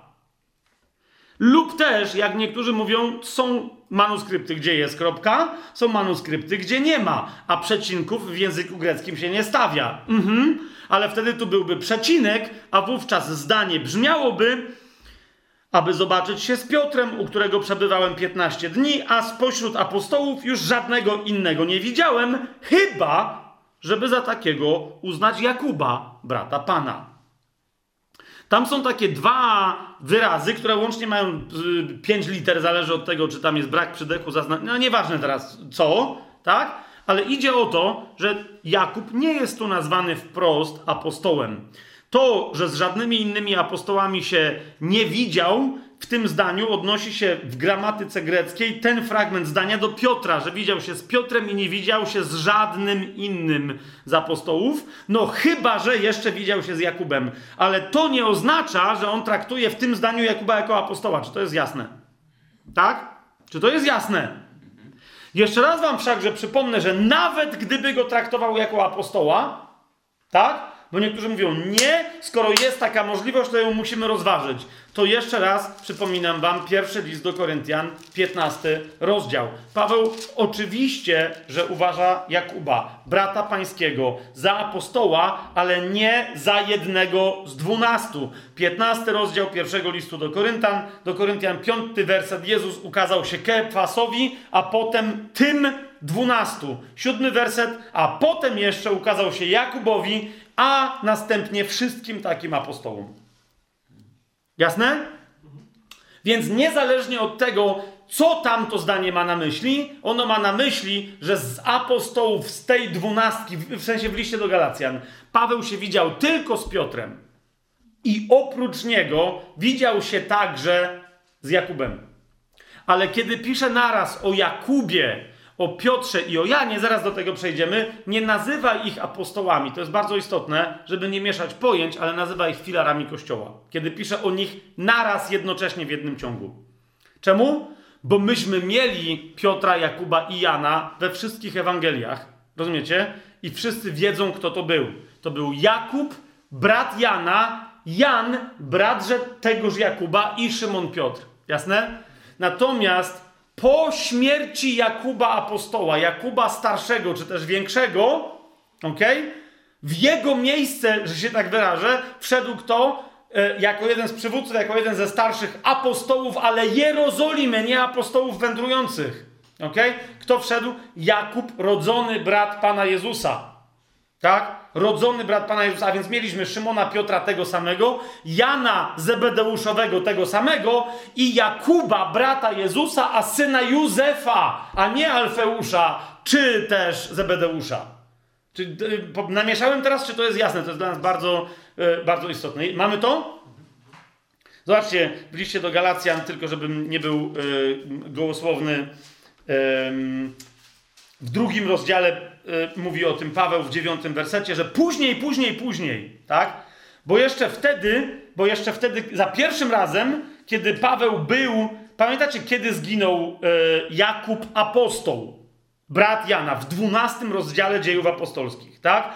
Tu to jest dziewiąty rozdział dziejów apostolskich, kiedy Paweł się jako Szaweł jeszcze pojawia w Jerozolimie, widzi się z Piotrem i z Jakubem. Skąd wiemy, że się wtedy widzi nie z Jakubem apostołem Jezusowym? Bo wtedy dlatego on zaznacza, że widział się z Jakubem bratem Pana, a nie z Jakubem Alfeuszowym, czy też z Jakubem Zebedeuszowym. Tak? A później mowa jest dalej o tym samym Jakubie, mimo że do niego dołączają dwaj bracia, nie bracia, tylko dwaj apostołowie oryginalni z oryginalnej dwunastki. To jest drugi rozdział, dziewiąty werset. Gdy poznali daną mi łaskę, zwróćcie uwagę, Jakub, Kefas i Jan, którzy są uważani za filary, podali mnie i Barnabie prawicę. Widzicie to? I teraz dlaczego on mówi, którzy są uważani za filary? Bo chodzi dalej o Jakuba, brata pańskiego, a nie, że nagle Y, pojawił się z zagrobu, bo, bo kiedy oni im podali prawicę? To jest 15 rozdział dziejów apostolskich, a więc trzy rozdziały, że się taką chronologią posłużę, po śmierci Jakuba apostoła. Jasne? A więc to jest nadal, prawdopodobnie z Jakubem apostołem Paweł, no mógł się znać ze względu na, wiecie, żydostwo, Jerozolimę i tak dalej, ale oni się nigdy nie spotkali jako chrześcijanie. Nie? To był Szymon, Piotr Jakub brat pański i później Szymon Piotr, Jan Zebedeuszowy i Jakub, ale brat pański. Teraz dlaczego on ich nie nazywa apostołami? Żeby ktoś nie pomyślał, że tamten zmartwychwstał albo coś jeszcze nie wiadomo co, że to chodziło o tą oryginalną trójcę, co była z Panem Jezusem na górze przemienienia. No wiecie o co mi chodzi, co zawsze chodzili tych trzech, on ich brał. Tak? Nie, to był inny Jakub. Nie tamten, który był jednym z trzech ulubieńców Pana Jezusa, ale ten, który razem z Szymonem i z Janem byli filarami kościoła w Jerozolimie po śmierci Jakuba apostoła. Ma to sens, co teraz gadam? Dobrze. Teraz, kochani, yy, zanim pójdziemy dalej, yy, jedna tylko bardzo istotna, yy, jedna bardzo istotna uwaga, mianowicie, że tenże Jakub mm, jest tak ważny, bo jeszcze raz, nikt się nie powołuje na Jakuba. Ale na, na to chcę zwrócić uwagę, że, bo to za chwilę będzie, będzie dla nas istotne, że rozumiecie, o tym Jakubie, bracie Pana, jako o autorytecie w kościele, jako o filarze kościoła, Jakub w inny, Paweł w innych miejscach też wspomina. Kapujecie? I to uważajcie, mówiąc wyraźnie, że nie jest to żaden z oryginalnych apostołów Pana Jezusa, podaje go z imienia jako przykład apostoła. A propos tego, że apostołów było więcej. Tylko ja nie chciałem, jak o apostołach mówiliśmy, jeszcze mieszać i teraz tego wszystkiego, co teraz szczegółowo rozjaśniam, mówić a propos Jakuba. Ale zauważcie, przy okazji się dowiemy, że Jakub był, jak to porządny Żyd, e, jak na porządnego Żyda przystało, był żonatym facetem i z żoną się wszędzie woził i jeżeli żona nawet jego nic nie robiła, to była siostra żona i miała być również traktowana jak należy. Jeżeli ktoś gdzieś zapraszał z usługą. Mianowicie w pierwszym liście do Koryntian, w tym samym, w którym w 15 rozdziale jest mowa o tym, że Jakubowi się Pan pokazał, jego brat, tak? W pierwszym liście do Koryntian, w dziewiątym rozdziale wspomina również Paweł Jakuba. Gdzie? To jest dziewiąty rozdział, piąty werset. Czy nie mamy prawa zabierać ze sobą siostry żony, jak inni apostołowie bracia Pana i Kefas.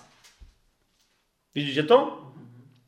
E, bracia Pana jako, jako kto? Oni też są traktowani jako apostołowie, chociaż my wiemy, że nie byli traktowani jako apostołowie Jezusa z oryginalnej dwunastki. Widać to? Tu, oczywiście to nie jest tylko Jakub tutaj, ale też i pozostali. Przynajmniej Jakub i Juda, ale o tym przy okazji listu, listu Judy. Wróćmy, kochani, do dziejów apostolskich, bo tam wam chcę coś pokazać. Coś, co się wielu osobom plącze ze zdumiewającego powodu. Otóż e, wymianę Jakuba na Jakuba obserwujemy w jednym miejscu w dziejach apostolskich, prawie że natychmiastowo. Okay? To, że Jakub apostoł, Jakub starszy, ten, który był męczennikiem, wcale, rozumiecie, nie był kimś istotniejszym w Jerozolimie niż Jakub, brat pański, który nie był żadnym apostołem, ale później wzrósł w duchu, świadczy nam o tym jeden dwunasty rozdział dziejów apostolskich. W dwunastym rozdziale, w którym już byliśmy, czytamy w drugim wersecie, że Herod zabił mieczem Jakuba, brata Jana. Mamy to? Od tego momentu chłop już nie żyje. Tak? W dwunastym wszakże rozdziale Piotr siedzi w więzieniu i pamiętacie, cudownie jest wyzwolony. Nie? Piotr, czyli bliski współpracownik tegoż właśnie zabitego Jan, Jakuba i Jana, jego brata, bo tu jest Jakub, brat Jana, syn Zebedeusza. Tak? Piotr siedzi w więzieniu. O, to byli najbardziej rozpoznani ludzie. Jakub, Piotr, Jakub, Jan i Piotr. Tak? Z uczniów Jezusa. Piotr siedzi w więzieniu. I teraz zauważcie, kiedy wychodzi z więzienia. Pamiętacie, tam puka do jednego domu, do jednego kościoła domowego, ci, mu, ci nie chcą otworzyć. Tam mówi, że Piotr tam stoi. Ci jej mówią, że to jego anioł, żeby się nie wygłupiała. Ale w końcu, dobra, wszystko się rozwiązuje. Szesnasty werset. Piotr bowiem nie przestawał pukać, a gdy otworzyli, zobaczyli go i zdumieli się, że co? Że to jest on. I teraz patrzcie, a dawszy im ręką znak, aby zamilkli, opowiedział im on, jak Pan wyprowadził go z więzienia i powiedział, powiadomcie o tym Jakuba i braci. Potem wyszedł i udał się w inne miejsce. Jakiego Jakuba? Jakuba, brata Pana. Nie Jakuba apostoła, bo tamten już nie żyje. Ok? Piotr był aresztowany po jego śmierci, on wiedział doskonale, zresztą wszyscy wiedzieli o tej śmierci. Rozumiecie, w, w, w, starożytnościach żydowskich Józefa Flawiusza jest ta historia tutaj opisana. Tak? E, zabicia Jakuba, e, apostoła Jezusa, ale zwłaszcza e, śmierci Heroda przy tej okazji, to jak tutaj Herod jest opisany w 12 rozdziale dziejów apostolskich, dokładnie tak samo jest opisane przez Flawiusza, który nie wie nic o istnieniu dziejów apostolskich. Rozumiecie? Ale co jest interesujące, Flawiusz również rozróżnia Jakuba, brata Jezusa, ponieważ Flawiusz opisuje jego śmierć, ale o tym za chwilę. W każdym razie mamy tutaj znowu Jakuba, tak? Ludzie z jakiegoś powodu często myślą, że ten Jakub tutaj to jest ten Jakub, o którym dopiero co w tym samym rozdziale jest napisane, że zginął. Więc nie, to nie jest Jakub apostoł, ani młodszy, ani starszy. To jest ten Jakub, który jest bratem pańskim i który e, jest jednym z filarów kościoła w. Yy, w Jerozolimie, który się na przykład pojawia w 15 rozdziale, jak pamiętacie, jak Szymon Piotr przemawia, e, no bo jest teraz nie wiadomo, czy się Żydzi mają obrzezywać, czy się mają nie obrzezywać, czy co tam się dalej dzieje. W 15 rozdziale, w 13 wersecie czytamy, gdy i oni umilkli, odezwał się Jakub. To jest ten Jakub, brat Pana Jezusa, który jest bardzo ważną osobą. Nie mówi przed Szymonem Piotrem, ale mówi z, z, jako pierwszy po Szymonie Piotrze. I de facto na jego myśl pada pomysł, jak rozwiązać sprawę z poganami, żeby się nie obrzezywali, nie przechodzili na, na religię, na judaizm, tylko żeby tam zachowali ze względu na y, Żydów y, bardziej religijnych, żeby zachowali tam pewne zasady y, i żeby zasadniczo mieli święty spokój i żeby do nich napisać list. Jasność? Doskonale. To jest, ten, to jest cały czas ten sam Jakub. Jak również ten sam, który się pojawia w dziejach apostolskich na, rzeczywiście na sam koniec, w 21 rozdziale, gdzie czytamy w 17 i 18 wersecie, a gdy przybyliśmy do Jerozolimy, bracia przyjęli nas z radością. Nazajutrz Paweł poszedł z nami do Jakuba, gdzie zebrali się wszyscy starsi. To jest cały czas ten sam Jakub, widzicie, to jest apostoł. Y, nowy apostoł, apostoł Ducha Świętego, apostoł, który tak jak na przykład Tymoteusz w Efezie, jest apostołem dla miasta Jerozolimy. Jasne? Doskonale. Więcej, jeszcze raz, y, nieco więcej o nim pisze y, Paweł, na przykład w liście do Galacjan. Jeszcze raz tam sobie wróćmy. Szybciutko, to jest drugi rozdział, dziewiąty werset, tam już byliśmy, nazywa E, tam jego Kefasa i Jana filarem, filarem, który podał rękę jemu i Barnabie na znak wspólnoty, abyśmy my poszli do pogan, a oni do obrzezanych. Widzicie? To jest ewidentnie Jakubowe, nie tylko Szymona i Jana, ale też Jakuba posłannictwo i w dwunastym e, mm, e, wersecie także czytamy, że ludzie, którzy przyszli z Jerozolimy, którzy przestraszyli Szymona Piotra, także zaczął udawać, także później go Paweł skonfrontował, to byli ludzie, którzy przyszli od Jakuba. Ok? To byli ludzie, którzy przyszli od Jakuba. Jakub zresztą ewidentnie e, nakłania Pawła, żeby składał ofiarę, w ramach którego to aktu e, przydybali go Żydzi w świątyni. Tak? My teraz nie rozważamy, co tam się dalej działo, z Jakubem, niektórzy go obwiniają, że to był wróg Pawła i tak dalej, i tak dalej, i tak dalej. I później na tej podstawie tworzą koncepcję, że on jako wróg napisał list, który się kompletnie sprzeciwiał teologii Pawła i że on jest autorem listu Jakuba. Ok? Otóż, kochani, uważam, że Jakub jest autorem, ten Jakub, brat pański, filar kościoła w Jerozolimie, jest autorem listu Jakuba, ale z tego powodu nie nazywałbym go listem Jakuba Apostoła, a raczej, jeżeli już mielibyśmy robić tłumaczenie, raczej nazywałbym go listem Jakuba Brata Pańskiego. Ok? Ktoś powie, dobra, nie mamy na to dowodów, zaraz się temu bliżej przyjrzymy. Niemniej uważam, że to jest ten człowiek. Paweł, jeżeli wymienia kogoś z braci Jezusa, wymienia tylko jego w kontekście Jerozolimy, w kontekście tych, którzy są posłani do Żydów. Ok? list Jakuba jest de facto listem do Hebrajczyków. E, niektórzy wręcz nazywają go nieco e, e, pół żartem, ale i pół serio nazywają go drugim listem do Hebrajczyków. Jeden napisał Paweł, a drugi napisał Jakub. Ale o tym za chwilę, do kogo jest list, list Jakuba. Więc wiele na to wskazuje, że Jakub mniejszy, ani Jakub ojciec e, apostoła Judy, ale nie Judy Iskarioty, nie, po prostu oni mieli inne rzeczy do roboty, oni się nie zajmowali pisaniem, to nie było. Jakub starszy umarł bardzo szybko jako pierwszy z apostołów i on się nie zajmował żadnym pisaniem listów. Ok? To, to, mamy to, to jasne? Jedyny po prostu, który nam zostaje, konsekwentnie, chociaż to nie jest jedyny dowód, to jest Jakub, brat Pana Jezusa, rodzony brat Pana Jezusa, który się nawrócił, któremu Pan Jezus się objawił po swoim zmartwychwstaniu jeszcze przed wstąpieniem, który nie uzupełnił oryginalnej dwunastki, bo taka była zasada, że to musiał być ktoś, kto był od początku z Jezusem przez cały czas, a on nie był, bo w niego w pewnym momencie nie wierzył, ale potem uwierzył i stał się filarem kościoła. Niemniej do końca swojego życia osiadłszy w Jerozolimie. Okay? Skąd o tym wiemy? Józef Flawiusz o tym pisze, wyobrażacie sobie? Pisze o tym wprost, e, o, o tym, że doszło do rozruchów w pewnym momencie, jak opisuje historię Jerozolimy i mówi o tym, że Żydzi w pewnym momencie dorwali nie tylko Jakuba, e, tego apostoła tam wcześniej, ale później dorwali Jakuba, brata Jezusa zwanego Chrystusem. Nie? Który był głową i przywódcą, najbardziej rozpoznanym przywódcą kościoła jerozolimskiego i że postawili go gdzieś tam na, na świątyni, w jakimś takim e, tam miejscu e, i kazali mu się tam wyrzekać czegoś, coś tam ogłaszać i tak dalej, i tak dalej, i tak dalej. Nie jakieś tam pytania, aha nie, przepraszam, dokładnie, żeby go obśmiać, zadali mu, zadali mu pytanie, które drzwi są Jezusowe. Nie? Które drzwi w Jerozolimie i które drzwi w świątyni są Jezusa. Nie? Najwyraźniej pijąc, do, rozumiecie, do, do, do tego, że bo tam są potem różne koncepcje o, to, o co musiał tam, co musiał Kościół wtedy głosić, że oni się tak wkurzyli. Oto stoję u drzwi i kołacze.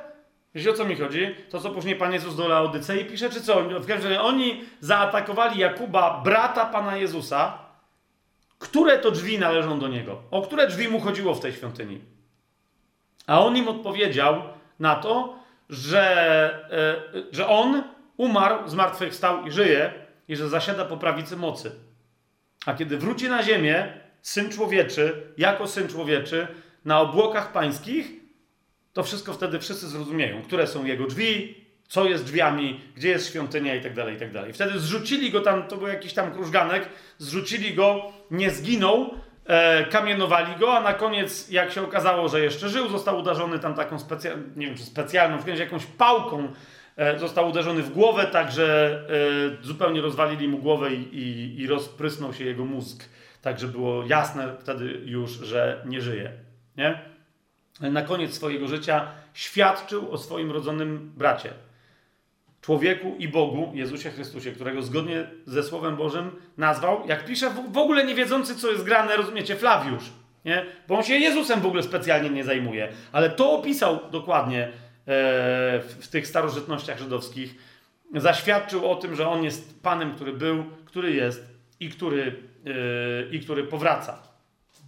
Teraz, kochani, ktoś mówi, dobra, fajnie, rzeczywiście pasowałby tu Jakub, brat pański, ale czy jest na to jeszcze jakiś inny dowód?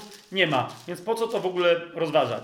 Otóż, kochani, wiele y, z tekstów y, listu Jakubowego stanie się dla nas naprawdę, rozumiecie, do, dotkliwie dotykających i poruszających w momencie, kiedy my będziemy o tym pamiętać. Nie? E, ale zwracam wam uwagę, no, Juda, y, o, Jakub, ojciec Judy, apostoła w ogóle nie wchodzi w grę według, według egzegetów, tak? Wszystkich. Pozostali dwaj to są apostołowie, którzy są takimi apostołami, że są apostołami Jezusa przez Niego wybranymi. Jasne? Wszyscy na to zwracają uwagę i, i ci, którzy mówią, nie, to nie może być list Jakuba, rodzonego brata pańskiego. To musi być list jakiegoś kuzyna, który był wybrany przez Jezusa na, na apostoła. Swoją drogą zauważcie, że jak jest mowa o braciach Jezusa, yy, to ze względu na te wszystkie konfesyjne teologie, nagle się okazuje, że można pominąć zdanie, w którym jest powiedziane, że również wszyscy bracia Jezusa w niego nie wierzyli. Nie wiem, czy zauważyliście, nie? Że teologia, że to byli bracia, ale to byli kuzyni, w związku z tym z kuzynów Pan Jezus se wybrał. Ale potem, jak Jan mówi, że no ale jego bracia w niego nie wierzyli, to nagle nie byli kuzyni, to kto to był?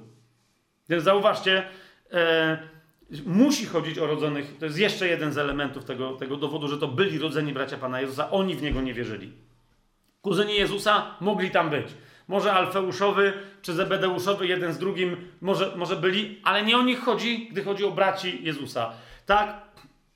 Otóż, kochani, gdyby to był któryś z nich, Jakub starszy albo Jakub mniejszy, Wszyscy egzegeci wiedzą i ci, którzy są za tym, że to jest któryś z tych Jakubów, mają jeden zasadniczy problem.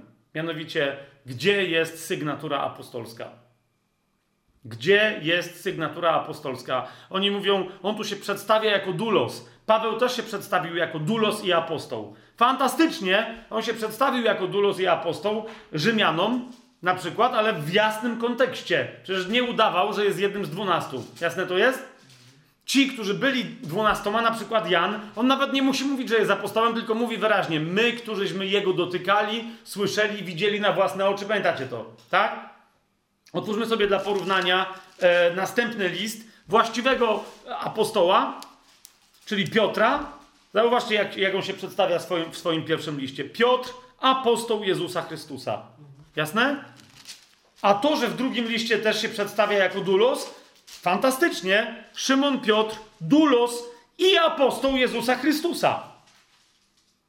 Tu zauważcie, Paweł, tak? Otwórzmy razem yy, list do Rzymian. Szybciuteńko, tak?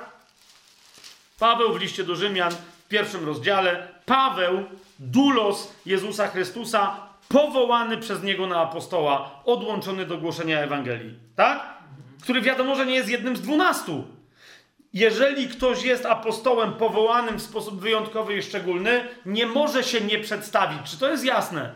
Tymczasem pierwszy i jedyny list Jakuba zaczyna się Jakub, dulos Boga i Pana Jezusa Chrystusa.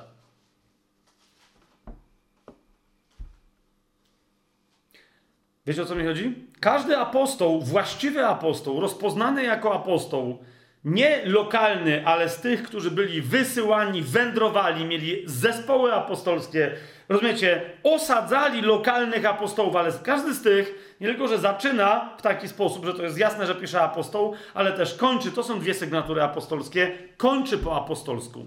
Albo sformułowaniem amen, bo cała jego wypowiedź jest uroczysta, albo w ogóle uroczystym błogos pozdrowieniem i błogosławieństwem na samym końcu. Ok? Zobaczcie, jak się kończy list Jakuba. I nikt nie ma żadnych wątpliwości, że to, a może był obcięty, może by. Nie, nie, on jest dokładnie taki, jaki ma być. Po prostu. Nie, a na końcu nawet amen. Widzicie to? I teraz jeszcze raz, niektórzy mówią, no to nie jest naprawdę poważni badacze wchodzą w to i mówią, ok, jeżeli to jest któryś z apostołów, to mamy problem, co się tutaj stało. Czemu, czemu on się jako. Zwłaszcza, że nie wygląda na to, żeby ten list nie był kompletny z początku czy z końca. Nie? Więc to jest, to jest podstawowy problem. I, I, natomiast to nie jest problem, jeżeli autorem listu, tego listu Jakuba jest Jakub, brat Pana.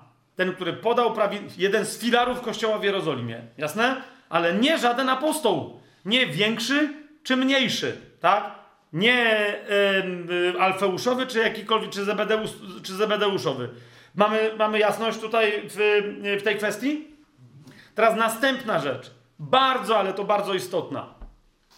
Styl. Jeżeli to jest ten Jakub, to nie tylko napisał on drugi list do Hebrajczyków, między nami mówiąc, nie drugi, tylko pierwszy, ponieważ list Pawła do Hebrajczyków jest drugi w stosunku do tego, ale o tym za chwilę. To nie tylko to jest list do Hebrajczyków drugi, ale również to jest drugi list Jakuba. Znów, między nami mówiąc, nie drugi w kolejności, bo pierwszy, ale drugi list tego autora. Bo jeżeli autorem tego listu jest Jakub brat Pański, to my wiemy, że on napisał też inny list, mianowicie w 15 rozdziale dziejów apostolskich. Ok? On jest e, e, inspiratorem tego, aby taki list napisać, i, i wszystko na to wskazuje, że on jest tym, który de facto podyktował ten list a w każdym razie Łukasz sugeruje, że tak jest. Jak napisać ten list?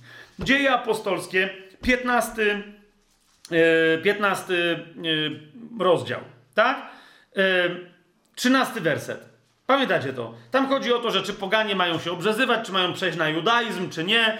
Paweł i Barnaba są przeciwni temu. Szymon Piotr wstaje i mówi: Ja jestem temu przeciwny. I wstaje Jakub, i mówi, gdy i oni umilkli, odezwał się Jakub, mężowie bracia, posłuchajcie mnie. Widać to? I teraz co się dzieje? On tu przemawia, że to, że tamto, że siamto, ale koniec końców ta jego przemowa doprowadza do sformułowania następującego listu, 23 werset. Posłali przez nich takie pismo, napisali taki list. Apostołowie, starsi i bracia przesyłają pozdrowienia braciom pochodzącym z pogan i tak dalej, i tak dalej. Nie? Wiecie, co jest najciekawsze? Czyli tu mamy list, jasne to jest? No ale ktoś powie, no ale tu nie ma napisane, że to napisał Jakub. Wiecie, jak wygląda dowód biblijny, grecki, egzegetyczny, że ten list musiał podyktować Jakub, a nie wszyscy apostołowie starsi i bracia? Przez porównanie do listu do Jakuba. Krótko mówiąc, e, rozumiecie, e, e, ci, którzy znają Grekę, mimo że to jest bardzo krótki tekst, dostają wstrząsu, gdy widzą ilość zastosowanych sformułowań, konkretnych wyrazów, gramatyki itd., tak itd., tak że mówią, to musi być ten sam autor. No i teraz, jeżeli autor listu Jakuba jest tym samym autorem, co tego listu, to pewnie tutaj też to jest Jakub. A jaki to jest Jakub? To jest ten Jakub. To kto jest tam autorem? No ten sam Jakub. Rozumiecie o co mi chodzi? Podam wam tylko parę takich przykładów, żeby takich najoczywistszych, e, ale będziemy zaczynać, będziemy wychodzić. E, naszym punktem wyjścia będzie list Jakuba, e, bo to tak się zaczynało, że od studium tekstu Jakuba i potem porównywaniu pewnych jego fragmentów z dziejami apostolskimi. Więc miejcie otworzony list Jakuba, i jednocześnie dzieje apostolskie na 15 rozdziale y, otwarte i wtedy będziemy przeskakiwać. Pokażę wam, możecie sobie to, ci, którzy tam to tak badają po grecku, sprawdzić i tak dalej.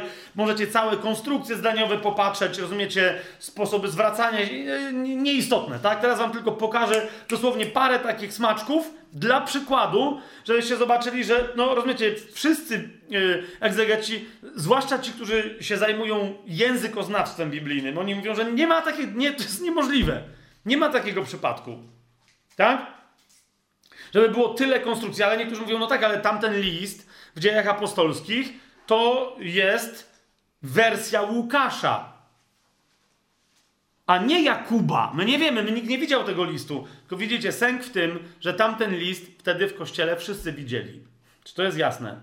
Więc jeżeli coś Łukasz w dziejach apostolskich cytuje, na przykład, że Paweł przemawiał na Areopagu i cytował pogańskiego poetę, okay, to czy on dokładnie cytuje, co mówił Paweł? No nie, bo Paweł tam mógł przemawiać ze dwie godziny. Czy on dokładnie zacytował, co, Paweł, co powiedział Jakub w 15 rozdziale? Nie! Skrócił jego wypowiedź do paru wersetów. Zgadza się? Ale list, ponieważ był powszechnie znany w kościele, zacytował prawie prawdopodobnie tak, jak on brzmiał, bo to była krótka notatka rozesłana, jak zresztą pamiętacie, kiedyś rozważałem temat tamtego. Tam nie ma napisane, że oni wysłali list, tylko że okulnik rozesłali, czy po prostu krótką informację, ogłoszenie, pismo. Tak? Po prostu było rozesłanie korespondencyjne obwieszczenia, co my tu uznaliśmy za stosowne. Ma to sens? Więc to było krótkie i Łukasz tam nie miał powodów, żeby wymyślać, co tam było napisane, skoro wszyscy mieli ten list, wszyscy go znali, więc go po prostu zacytował. Plus wielu egzegetów mówi,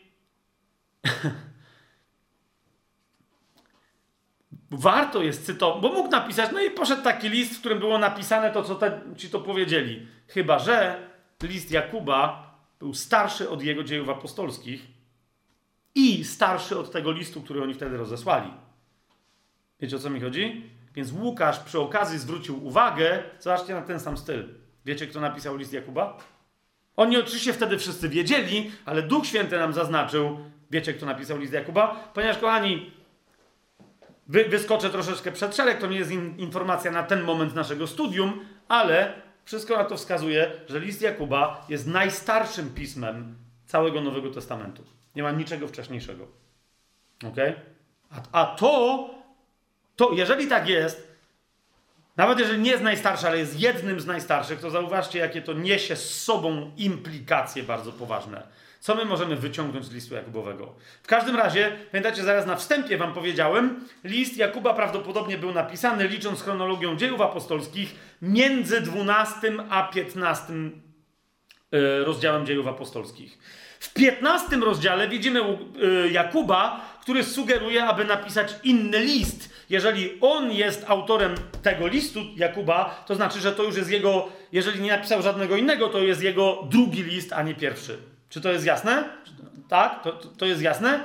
Dlatego, że wszyscy się zgadzają co do tego, że być może list Jakuba był napisany między 7 a 15 rozdziałem. Inni mówią, że między 12 a 15, ale przed 15. To jest bardzo istotne.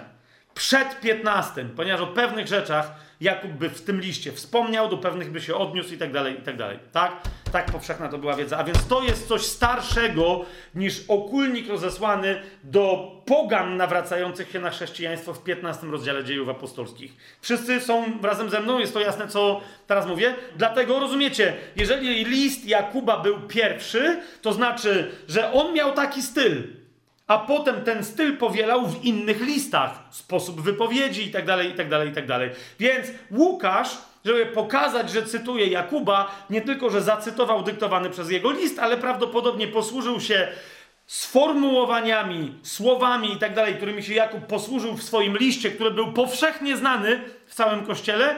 Yy, Łukasz, opisując jego przemowę, posłużył się prawdopodobnie tymi tekstami, również w jego przemowie, cytując go w 15 rozdziale dziejów apostolskich. Czy ma to sens teraz to, co powiedziałem? Gosia, tak? Tak? Więc dlatego trzeba sprawdzić, co my mamy w liście, do, y, w liście Jakuba, a potem, czy znajdziemy tego odwzorowanie. E, prawie wszystko, rozumiecie, powiedziałbym, że prawie cała gramatyka, jeżeli nie cała gramatyka w 15 rozdziale tego, co jest związane z wypowiedzią Jakuba, ma swój pierwowzór w liście Jakuba, masę wyrazów i tak dalej, i tak dalej. Nie? Sposobów ich zastosowania. Nikt w Biblii, to jest, to jest prawie, jak rozumiecie, jak niepodrabialny podpis. Nie? Nikt w Biblii pewnych wyrazów nie stosuje tak, jak Jakub w swoim liście i jak Łukasz twierdzi, świetny znawca greki, że Jakub właśnie takie, takie e, chocopołki yy, robił. Teraz, dlaczego mówię, że chocopołki? Ponieważ list Jakuba jest napisany świetną greką. Wiecie o co mi chodzi? Jest napisany świetną greką. Dwaj apostołowie Jezusa nie mogli mieć świetnej greki, między nami mówiąc. Ktoś powie, a, a, brat Pana Jezusa miał mieć świetną grekę? Oczywiście, że tak, bo się wychowywał prawdopodobnie w Egipcie. Rozumiecie? I ma dokładnie egipskie, żeby nie powiedzieć wprost, aleksandryjskie naleciałości w swojej mowie. Nie? Konkretne zastosowania pewnych wyrazów typowe dla greki aleksandryjskiej, a nie dla greki galilejskiej czy judejskiej. Rozumiecie o co mi idzie? Więc to nie mogli. To jest jeszcze jeden tro, trop. I teraz chodzi mi o to, że to są chocopołki, nie? To jest, wiecie, to jest trochę tak, jak my w Krakowie wychodzimy na pole, a cała Polska wychodzi na dwór. No nie wszyscy się z nas śmieją, my z nich i jest fajnie. Ludzie mają swoje regionalizmy, tak? Tu są ziemniaki, tam są kartofle, tam gdzieś jeszcze są grule. No i okej, okay, wszyscy, każdy trzyma się swojego. O to chodzi, że to nie są błędy językowe w liście jako to jest świetna greka, ale w której ktoś stosuje regionalizmy greki koine aleksandryjskiej. Jasne? nieprawdopodobna rzecz dla pozostałych trzech kandydatów na autorów tego listu, ponieważ to byli Żydzi z żydostwa w żydowskiej Judei lub Galilei. Kropka. I oni po prostu nie mieli ani takiej dobrej greki, o ile w ogóle mieli jakąkolwiek, a już na pewno nie tak, żeby jeszcze sobie sprytnie zaznaczać chocopołki aleksandryjskie, żeby zaznaczyć, że są z, yy, spod Krakowa, no nie? czyli spod Aleksandrii. Jasne? Gdzie? Zobaczmy. List Jakuba czy, czy mamy tu, dzieje apostolskie, tu, na 15 rozdziale. Pierwszy rozdział. Rozumiecie, my po polsku oczywiście możemy tak na to nie zwrócić uwagi, ale Jakub, sługa Boga i Pana Jezusa Chrystusa, pozdrowienia dla dwunastu pokoleń, które są w rozproszeniu. Nie? I w 15 rozdziale dziejów apostolskich, w 23 wersecie posłali przez nich takie pismo. Apostołowie, starsi i bracia przesyłają pozdrowienia braciom pochodzącym z Pogan. Dokładnie taki sam wjazd do listu. Tak? Teraz dlaczego to jest istotne? Bo przyjrzyjcie się, jaki wyraz jest przetłumaczony jakie pozdrowienia, jako pozdrowienia i zauważycie, że w wielu innych miejscach jest troszeczkę inaczej stosowany. Tak? Nikt nie robi takich pozdrowień, zwłaszcza na początku listu. Tylko Jakub u siebie, no i ten Jakub w dziejach apostolskich, 15 rozdział. Dalej, ok? Otwórzmy sobie list Jakuba, pierwszy rozdział, 16 werset. Nie błądźcie, moi umiłowani bracia. Nie błądźcie, moi umiłowani bracia. I mamy tutaj zastosowane, e, szczególne zastosowanie, nie będę teraz w to wnikać, wyrazu umiłowani. Widzicie to? Umiłowani, bardzo szczególne. Nie będę teraz wnikał, o co tam chodzi w Grece, ale no może jak ktoś z was lepiej ją zna, to se sam to odkryje. W 16 wersecie, w 19 wersecie, tak więc moi umiłowani e, bracia. W drugim rozdziale, w piątym wersecie, posłuchajcie, moi umiłowani bracia. Widzicie to? Dzieje apostolskie, 15 rozdział, 25 werset. Zgromadzeni jednomyślnie postanowiliśmy posłać do Was wybranych ludzi wraz z naszymi umiłowanymi Barnabą i Pawłem. Ten sam wyraz w takim samym zastosowaniu, w takim samym pełnym znaczeniu, w takiej samej gramatyce, ortografii i tak dalej.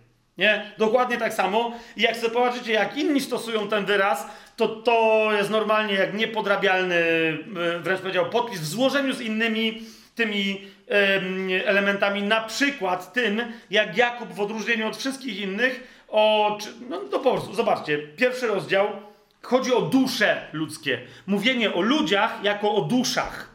ok? To jest, to jest list Jakuba, pierwszy rozdział, dwudziesty pierwszy werset. Odrzućcie więc wszelką plugawość oraz bezmiar zła, i z łagodnością przyjmijcie zaszczepione w was słowo, które może zbawić wasze dusze. Widzicie to?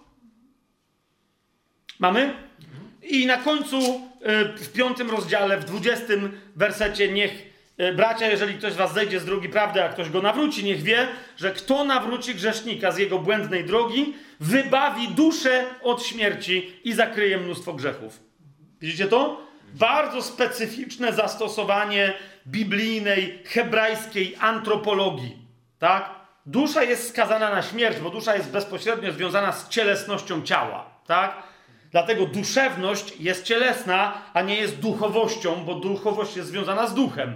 Teraz tego tematu nie będę rozwijał, ale to u Jakuba wypływa naturalnie, tak? Ratujesz duszę przed śmiercią. Nie ducha, bo duch nowonarodzony jest nieśmiertelny, więc tu nie o to chodzi. On jest bardzo, y, jak to przystało na znającego Słowo Boże Żyda, bardzo tutaj precyzyjny. Amen? Dzieje apostolskie, 15 rozdział, 24 werset. Słyszeliśmy, że pewni ludzie wyszli od nas i zaniepokoili was słowami i co zrobili? I wzburzyli wasze dusze. Nie waszego ducha, bo tego nie mogli, bo jest nowonarodzone, ale duszę, czyli waszą emocjonalność, co wywołało cielesność.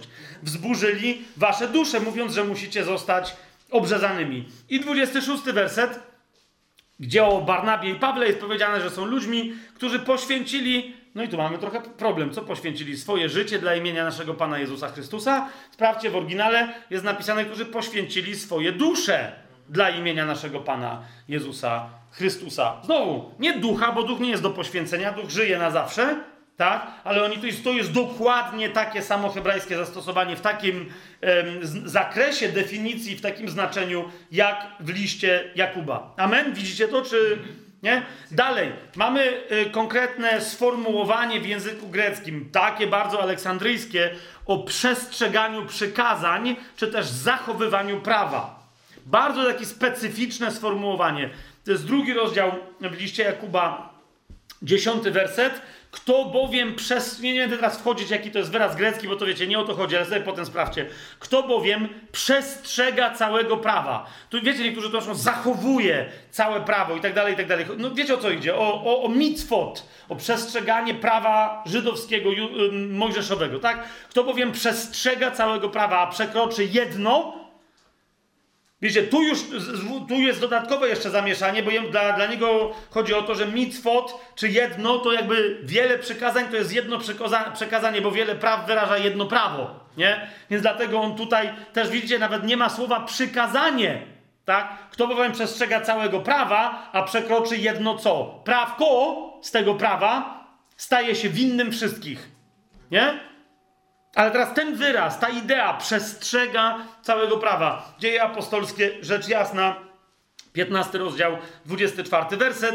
Ponieważ słyszeliśmy, że pewni ludzie wyszli od nas i zaniepokoili was słowami i wzburzyli wasze dusze, mówiąc, że musicie zostać obrzezanymi i zachowywać prawo. To jest dokładnie to samo sformułowanie, co u, co u Jakuba. Ten sam problem. Ok? Jakub, tu nie ma problemu, tam nie ma problemu z tym, że ktoś ma zachowywać prawo, przestrzegać prawa, całego prawa. Jasne to jest? Dalej. Yy, list Jakuba, piąty rozdział. Dziewiętnasty i dwudziesty werset. Bracia, jeżeli ktoś z was zejdzie z drogi prawdy, i tu jest specyficzne znowu zastosowanie, i to nie jest słowo metanoja ani czasownik od niego pochodzący. Zupełnie inny yy, grecki czasownik, który jest tu przetłumaczony jako nawrócenie, ale jest charakterystyczny dla greki koine yy, właśnie aleksandryjskiej. Tak? Bracia, jeżeli ktoś z was zejdzie z drogi prawdy, a ktoś go nawróci, jak macie pod ręką jakieś teraz greckie słowniki, to zobaczcie, jaki tam jest czasownik. To jest inny czasownik, ale który ma dokładnie takie znaczenie, którym się Jakub posługuje, tak? Bracia, jeżeli ktoś z was zejdzie z drogi prawdy, a ktoś go nawróci, 20 werset to samo, niech wie, że kto nawróci grzesznika i tak dalej, i tak dalej. Widzicie to? Piotrze, jest tam? Bo tam się coś zdziwiłeś, ale jest, tak? Dzieje apostolskie, dzieje apostolskie, Rzecz jasna, 15 rozdział, 19 werset. Dlatego uważam, że nie należy czynić trudności tym spośród pogan, którzy się nawracają do Boga ten sam czasownik. Widzicie to? Przypadek? No już w tym momencie należałoby powiedzieć, no nie sądzę. A ja wam tylko parę y, dobitnych, y, absolutnie dobitnych przykładów tego y, pokazuję. Tak? Kochani, wiele osób mówi, że no teraz będzie znowu dla mnie bardzo taki wzruszający. Nie wiem dlaczego, to mnie zawsze bardzo, e, bardzo porusza. Ale Jakub był bratem Pana. Nie? On jest zawsze e, szefem tej bandy czworga, którzy są braćmi Jezusa. Nie? Jest więc bardzo interesującą rzeczą, jak od tej pory, w, rozumiecie, dla niego nabrało zupełnie nowego znaczenia słowo brat i bracia. Nie? On się posługuje w dziejach apostolskich, zauważcie, wstaje i mówi, a gdy oni umilkli, to jest 15 rozdział, 13 werset, mówi, mężowie, bracia, posłuchajcie mnie. I niektórzy mówią, no tak, Szymon Piotr to mówił i tak dalej, i tak dalej, i tak dalej. Nie, nie, nie. Jak zauważycie, jak jest, jak, jak, w jaki sposób stosuje to słowo e, tam Jakub, to jest bardzo specyficzne, nie będę teraz w to wchodzić, ale co jest bardzo istotne, e, bo to słowo e, bracia, Adelfoj, ono się pojawia w Nowym Testamencie, nie wiem ile, 350, 400 razy, ogromną ilość razy. Ale w takim wezwaniu nie znowu aż tyle. Nie, no nie wiem ile, może 100 coś. Wiecie o co mi chodzi? Bo jest mowa o tym, że bracia zrobili to. To są takie, to nie są wykrzykniki, tylko takie oznajmienia, że bracia coś tam, tak? Natomiast wezwanie typu bracia, słuchajcie, mówię do was bracia, nie jest aż takie częste, żeby ktoś się miał w kółko tym określeniem posługiwać, jasne? Chociaż jest dość częste. Kochani, list Jakuba, pięć rozdziałów, ma w sobie w połączeniu z bardzo emocjonalnymi przymiotnikami typu najdrożsi, umiłowani, naprawdę przeze mnie kochani, Paweł, przepraszam, Jakub posługuje się tym zawołaniem, jako zawołaniem 16 razy. I chcę, że, chcę wam wszystkie te miejsca pokazać, bo rozumiecie, zauważcie, nawet coś takiego. Po co jest. E, ja pamiętam kiedyś taką rozmowę z jednym bratem, który mi powiedział, że po co jest tyle, że Jakub. Jak ja mogę mówić, że Jakub pisze dobrą Greką, jak po co on tyle razy. Rozumiecie, jak do niego dotarło, że. Rozumiesz, jeżeli autorem tego listu jest ten Jakub, brat Pana Jezusa, jeden z braci, rozumiesz, co się tu dzieje? Każde, nie ma w Biblii żadnego niepotrzebnego wykrzyknika, zawołania, przecinka, kropki, tak? Przecinków nie ma, no ale to wiecie o co mi chodzi. Kreski, kropki, ani joty. Więc jak on tyle razy mówi to, co mówi i że się zwraca do braci, to, to, to, to w tym wszystkim jest i miłość, i nieustająca pokuta, i świadomość tego, kim jest. Wiecie, niektórzy mówią, że to jest najsurowszy list w Nowym Testamencie, że tutaj Jakub, że, że jest buńczuczny, że jest chamski, że jest straszny. E, proszę was, zobaczcie, że nośnikiem tego listu jest wyraz bracia. Jest zawołanie bracia. I ono jest z taką miłością tutaj wypowiadane, że Jakub naprawdę mówi to z troską, ponieważ mówi jako zdradziecki brat Jezusa, który się nawrócił i dzięki łasce swojego rodzonego brata, który był Bogiem, którego on jako takiego nie rozpoznał, może żyć. Więc nie ma w tym ani odrobiny buńczuczności. Okay? List Jakuba, pierwszy rozdział, drugi werset. Poczytujcie to sobie za największą radość, moi bracia. Nawet samo to może być bracia. Zauważcie, jak często Paweł mówi bracia. Zauważyliście to? Jakub pisze moi bracia. On, on, ja piszę do was jako do moich braci. Pierwszy rozdział, szesnasty werset. Nie błądźcie, moi umiłowani bracia. To jest surowe wezwanie. Jeszcze raz, pomyśl, kto to pisze. Pierwszy rozdział, dziewiętnasty werset. Tak więc, moi umiłowani bracia. Drugi rozdział, pierwszy werset. Bracia moi. Drugi rozdział, piąty werset. Posłuchajcie, moi umiłowani bracia. Drugi rozdział, czternasty werset. Jaki z tego pożytek, moi bracia? Trzeci rozdział, pierwszy werset. Niech niewielu z was zostaje nauczycielami, moi bracia. Dziesiąty werset. Z tych samych ust wychodzi błogosławieństwo i przekleństwo. Tak być nie powinno, moi bracia. Dwunasty werset. Czy może, moi bracia, drzewo figowe rodzić oliwki? Czwarty rozdział, jedenasty werset. Nie obmawiajcie jedni drugich. I zauważcie, tutaj pierwszy raz pojawia się pozbawione dopisku moi, moi ukochani, najmilsi, pojawia się samo surowe, ale nie puste słowo bracia. Nie obmawiajcie jedni drugich. Bracia. Widzicie, jakby on napisał, moi bracia, wiecie o co chodzi? Wszyscy mogliby zacząć go oskarżać, że inni mają innych braci. Nie, niech brat brata nie oskarża. Ok? Tu mówię o tych, którzy obmawiają i tych nie nazywam moimi braćmi. Zauważcie, jak Żyd w momencie rezygnuje ze sformułowania moi umiłowani, moi bracia, tylko pisze bracia. Widzicie, co się tu dzieje? Jak to jest znaczące? Piąty rozdział, siódmy werset. Bądźcie więc cierpliwi, bracia, aż do jego przyjścia. Kolejny raz, samo tylko bracia. Dziewiąty werset. Bracia, nie narzekajcie jedni na drugich. Znowu, samo tylko bracia. Dziesiąty werset. Weźcie za przykład, moi bracia, utrapienia i cierpliwość proroków. Dwunasty werset. Przede wszystkim, moi bracia, nie przysięgajcie ani na niebo i tak dalej, i tak dalej. I wreszcie dziewiętnasty werset. Bracia, jeżeli ktoś z was zejdzie z drogi prawdy. Mówi tu znowu do braci grzeszących. Nie? Zobaczcie, jeżeli jest tylko bracia, to jest zawsze zwrot do ludzi, którzy są czegoś winni. Obmawiają innych, krytykują, są niecierpliwi albo po prostu grzeszą. Widzicie to? Za każdym razem, kiedy nie mówi do, takich, do takiej grupy wierzących, mówi moi bracia, moi umiłowani bracia, najdrożsi bracia, weźcie przykład, to tak nie może być i tak dalej, i tak dalej. Nie? 16 razy. O ile dobrze policzyłem, bo to jakoś tak mi tu zawsze trochę ręka drży, jak, jak, jak temat braci u, Jakub, u Jakuba e, poruszam. Mamy to czy, to, to, czy to jest jasne?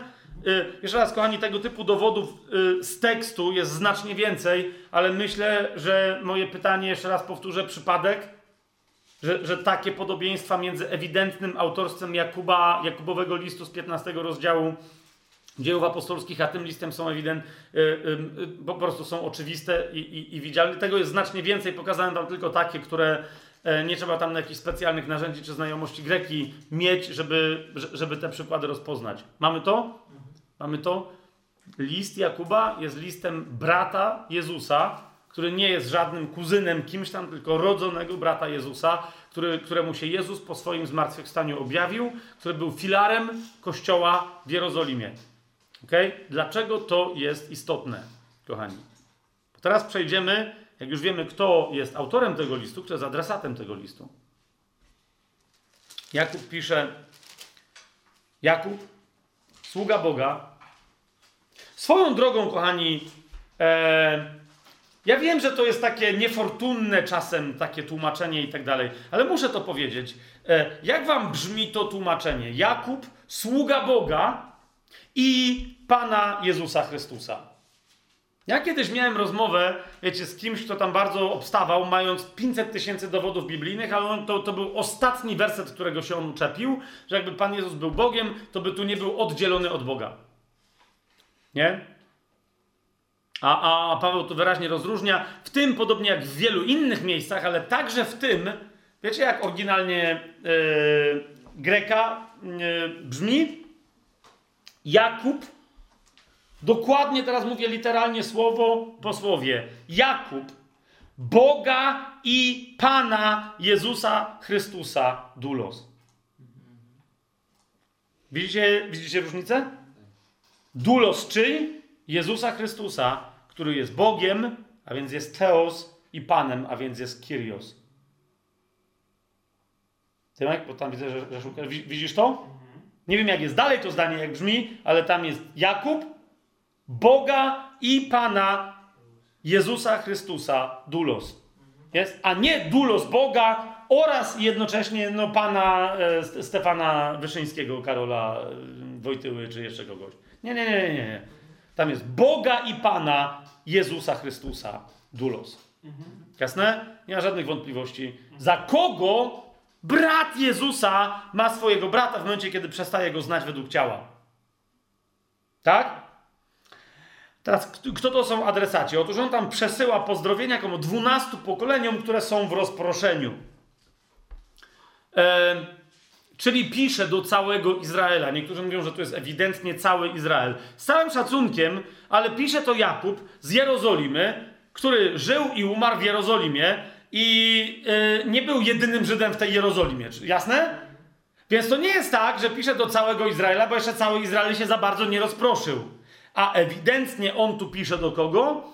Do ludzi, którzy, zresztą swoją drogą, między innymi przez list do Jakuba, mamy dzisiaj w języku polskim, w wielu innych, to jest w zasadzie wyraz taki, powiedziałbym, międzynarodowy, grecki wyraz diaspora, i to jest owo rozproszenie. Pisze dosłownie do Żydów z diaspory. Ale jakiej? Bo dzisiaj, rozumiecie, od momentu zburzenia świątyni, 70 rok, e, zburzenia Jerozolimy całej i tak dalej, wszyscy Żydzi znaleźli się w diasporze, bo nie mieli swojego państwa aż do momentu, kiedy zostało przywrócone. Amen? I od tej pory jest Jeroz yy, Izrael jako państwo i reszta Żydów, jak nie mieszkają w tym państwie, to nadal są w diasporze. Ale kiedyś byli tylko w diasporze, bo byli tylko rozproszeni. Jasne? Ale wtedy nie byli. Wtedy dalej mieli swoje państwo, mieli Judeę, mieli. To jest list napisany ewidentnie przed zburzeniem świątyni, przed zniszczeniem Jerozolimy. Jasne? To do jakich Żydów, jakich dwunastu pokoleń, w jakim rozproszeniu w takim razie pisze, yy, pisze Jakub. Kochani, odpowiedź niektórych brzmi: to musi być 12 pokoleń, a więc wszystkich możliwych Żydów, którzy się rozproszyli spod mojej opieki, spod mojej odpowiedzialności. Ok? Niektórzy mówią do wszystkich Żydów, którzy się rozproszyli z Judei, a zwłaszcza z Jerozolimy. Tak? Więc niektórzy mówią, a kiedy się to zaczęło? Zaczęło się to w dziejach apostolskich, siódmy rozdział, w którym, e, pamiętacie, jest ukamienowany Szczepan, potem powstaje przy jego, e, przy szatach mężczyzn, którzy go kamienowali, stoi Szaweł, a potem Szaweł się nawraca, tak? Ósmy, dziewiąty rozdział, no te wszystkie historie. Korneliusz dziesiąty, tak? Niemniej wielu zwraca uwagę na to, że wtedy e, Jakub jest kimś, ale nie jest jeszcze odpowiedzialny aż tak bardzo za całą Jerozolimę. Jako taki, jako takiego my go znamy od 15 rozdziału. Tak? Ale po 15 rozdziale, czy od 15 rozdziału nie ma jakiegoś wielkiego prześladowania, w wyniku którego doszłoby do jakichś rozproszeń. Nie wiadomo jakich. Jest takie prześladowanie, kiedy w 12 rozdziale, w którym de facto Jakub przez Szymona Piotra jest niechcący albo chcący zamianowany na głowę kościoła jerozolimskiego w tamtym czasie. Bo zauważcie, były trzy filary, z którymi w pewnym momencie spotyka się Paweł w Jerozolimie. To jest Jan, Szymon Piotr, Jan Zebedeuszowy, Szymon Piotr, syn Jony i Jakub, brat Pana Jezusa. Tak? Ale teraz patrzcie, Jan w pewnym momencie wyrusza gdzieś, my nie wiemy kiedy, my nie wiemy jak. W 12 rozdziale, kiedy zabijają Jakuba apostoła, Jakuba starszego, Szymon Piotr po ucieczce z więzienia przychodzi do kościoła i co mówi? Że on nie zostaje w Jerozolimie. Żeby przekazali, rozumiecie, więc nie ma Jakuba apostoła, Jan, nie wiadomo co jest w ogóle grane, wtedy jest Szymon Piotr, ale on też ucieka z Jerozolimy i wie, kto zostanie, a tym kimś jest Jan, brat pański, że on zostanie w Jerozolimie. My teraz nie wiemy, czy, rozumiecie, bo dlaczego Jan, bo dlaczego Jakub nie uciekał? Może miał swoje proroctwo, rozumiecie o co, mi, o, o, co mi idzie? My nie wszystko wiemy z tego objawienia, które miał Piotr, kiedy te, ci, ci aniołowie, wiecie, jak go wyprowadzili, prowadzili go, jak on wyszedł z szoku, zrozumiał, co się dzieje. On miał wiele innych w tym więzieniu wcześniej, jeszcze także, wiecie, Piotr chodził w duchu, on miał cały czas jakieś objawienia. Stąd też nie dziwota, że tam ci nie wierzyli w to, że to że w ogóle Piotr przyszedł, tylko że jego anioł, bo on, wiecie, to tam Bóg jeden wie, co on tam wyprawiał. Może tego anioła w kółko, wiecie, posyłał tu po piwo, tam po papierosy. Żartuję teraz, już nikt nie będzie, że... Ale troszeczkę, żeby... Nie? Niemniej on odchodzi i on wie, że, ja, że Jakub, brat Pana, nie będzie uciekał i dlatego mówi, przekażcie jemu, jako jedynemu, który tu zostaje z tych, którzy są filarami. Rozumiecie o co mi idzie? Jest dwunasty rozdział. A więc tak jak Piotr, także inni uciekają wtedy z Jerozolimy, a jeden filar kościoła jerozolimskiego, Jakub, brat Pana Jezusa, w dwunastym rozdziale zostaje w Jerozolimie. Jasne? Zauważcie, w piętnastym rozdziale z powrotem Szymona Piotra w Jerozolimie mamy. Zauważyliście? Na tak zwanym synodzie, yy, tym tyczącym się obrzezywania lub nieobrzezywania pogan. Tak? Czy się już zgubiliście w, w chronologii? Mamy to? W 15 rozdziale z powrotem jest i stąd mnóstwo e, egzegetów mówi i, i zasadniczo są w tym zgodni, że list Jakuba musiał być więc napisany. Ten list, który my teraz będziemy rozważać. Nie teraz, następnym razem, ale jak już sobie poustalamy te wszystkie wstępne rzeczy, był napisany między śmiercią Jakuba Apostoła i śmiercią Heroda, który zabił Jakuba Apostoła, tego Heroda, ucieczką cudowną Szymona Piotra z więzienia i z Jerozolimy między tymi wydarzeniami, a następnie wiele lat, to są trzy rozdziały w dziejach apostolskich, a to jest wiele lat później, a następnie tak zwanym synodem, czy też soborem wręcz jerozolimskim na temat tego, że jest dużo pogan, co się nawracają i czy mają przechodzić na judaizm. W tym przedziale czasowym. Ale ten przedział czasowy, wiecie co oznacza? Że to musiały być, obczajcie to, 40 lata pierwszego wieku. A to oznacza, że nie było jeszcze niczego. Rozumiecie? Czyli był, wiem, wiemy kto, tak? Pan z Białego Stoku. Nie było jeszcze absolutnie niczego z pism Nowego Testamentu. I teraz pozwólcie, że jeszcze czymś innym wam was szokuje. Nie było Ewangelii Jana. To, to, ta to była parędziesiąt lat później dopiero napisana. Było Ewangelii Łukasza, bo jeszcze Łukasz się musiał z Pawłem spotkać, Paweł się musiał podorozwijać, podonawracać. No wiecie o co mi chodzi. Tak nie było, nic nie było. Nie było Ewangelii Marka, no bo gdzie Marek, Piotr, ta współpraca, Rzym, nie było nawet Ewangelii Mateusza. A jednak mamy list Jakuba. I teraz wam powiem coś, coś nieprawdopodobnego i będziemy do tego następnym razem wracać. W którym to liście Jakuba egzegeci dopatrują się ponad 20 bezpośrednich nawiązań, wręcz cytatów z kazania na górze. Nie ma żadnej Ewangelii, włącznie z Ewangelią Mateusza, w której trzy rozdziały, trzy rozdziały, trzy rozdziały mamy sedno e, mm, e, kazania na górze. Czyli całe kazanie na górze, tak? Tak? Zanim się pojawia Ewangelia Mateusza, mamy kogoś, kto zna genialnie kazanie na górze. Jest to Jakub, pisze do całego kościoła, nawet nie cytując kto co powiedział, ponieważ wie, że cały kościół zna kazanie na górze. Kolejny, nie, dlaczego to jest ważne, do kogo pisze e, e, Jakub? Do Żydów, którzy się rozproszyli po zabiciu Jakuba Apostoła. Ok? Ci wszyscy Żydzi, teraz nie mówię, że ta wiedza była powszechna wtedy, rozumiecie, wśród pogan nawracających się. Jasne? Bo oni wiedzieli tyle, ile apostołowie pogan, czyli Paweł i jego ekipa im przekazywali. Ale Paweł tak samo jak nie Paweł, że tak powiem, czyli Szymon Piotr, Jan, Jakub, ten Jakub, brat pański i tak dalej, oni wszyscy znali kazanie na górze tak, że gdzie nie byli, to kazanie na górze było przekazywane. Kazanie na górze, jak mówiłem przy Ewangelii Mateusza, że jest konstytucją królestwa, jest konstytucją królestwa. Jeżeli ktoś, y, bo ktoś mi tam powiedział, super, w takim razie będziemy głosić Ewangelię niewierzącym na e, podstawie listu Jakuba, bo on jest jeszcze wcześniejszy niż dzieje apostolskie i jest bezpośrednim zabytkiem tego, jak głosił Ewangelię pierwotny Kościół. No nie. Jeszcze raz, to jest najstarsze pismo w Nowym, w Nowym Testamencie, ale i to jest druga bardzo istotna rzecz. To jest pismo do, owszem, Żydów, ale wierzących, którzy są chrześcijanami. To nie jest głoszenie dobrej nowiny dla niewierzących. Ok? To jest głoszenie dobrej nowiny pełnej Ewangelii o królestwie. O tym, jak się żyje, kiedy się już ma prawo do tego królestwa, kiedy się weszło do tego królestwa. Tak? Dla niewierzy niewierzącym się należy dobra nowina o usprawiedliwieniu, które jest tylko i wyłącznie w Chrystusie Jezusie, które jest usprawiedliwieniem, usprawiedliwieniem darmowym z Bożej łaski przez wiarę w tegoż Jezusa Chrystusa. Czy to jest jasne? To jest to. Ale pełna Ewangelia, przyjęcie pełnej Ewangelii to jest wejście w życie, które się ma przez to usprawiedliwienie w Chrystusie i którym się ma żyć. A to życie jest opisane przez Pana Jezusa w konstytucji królestwa, bo to jest życie królewien i królewiczów w Królestwie Bożym. To życie jest opisane w kazaniu na górze. Pan Jezus tam nie głosi dobrej nowiny dla tych, którzy są niesprawiedliwi, nieusprawiedliwieni i niezbawieni. On tam mówi dobrą nowinę dla tych, którzy już będą usprawiedliwieni i wejdą na drogę zbawienia. Ma to sens, co teraz powiedziałem?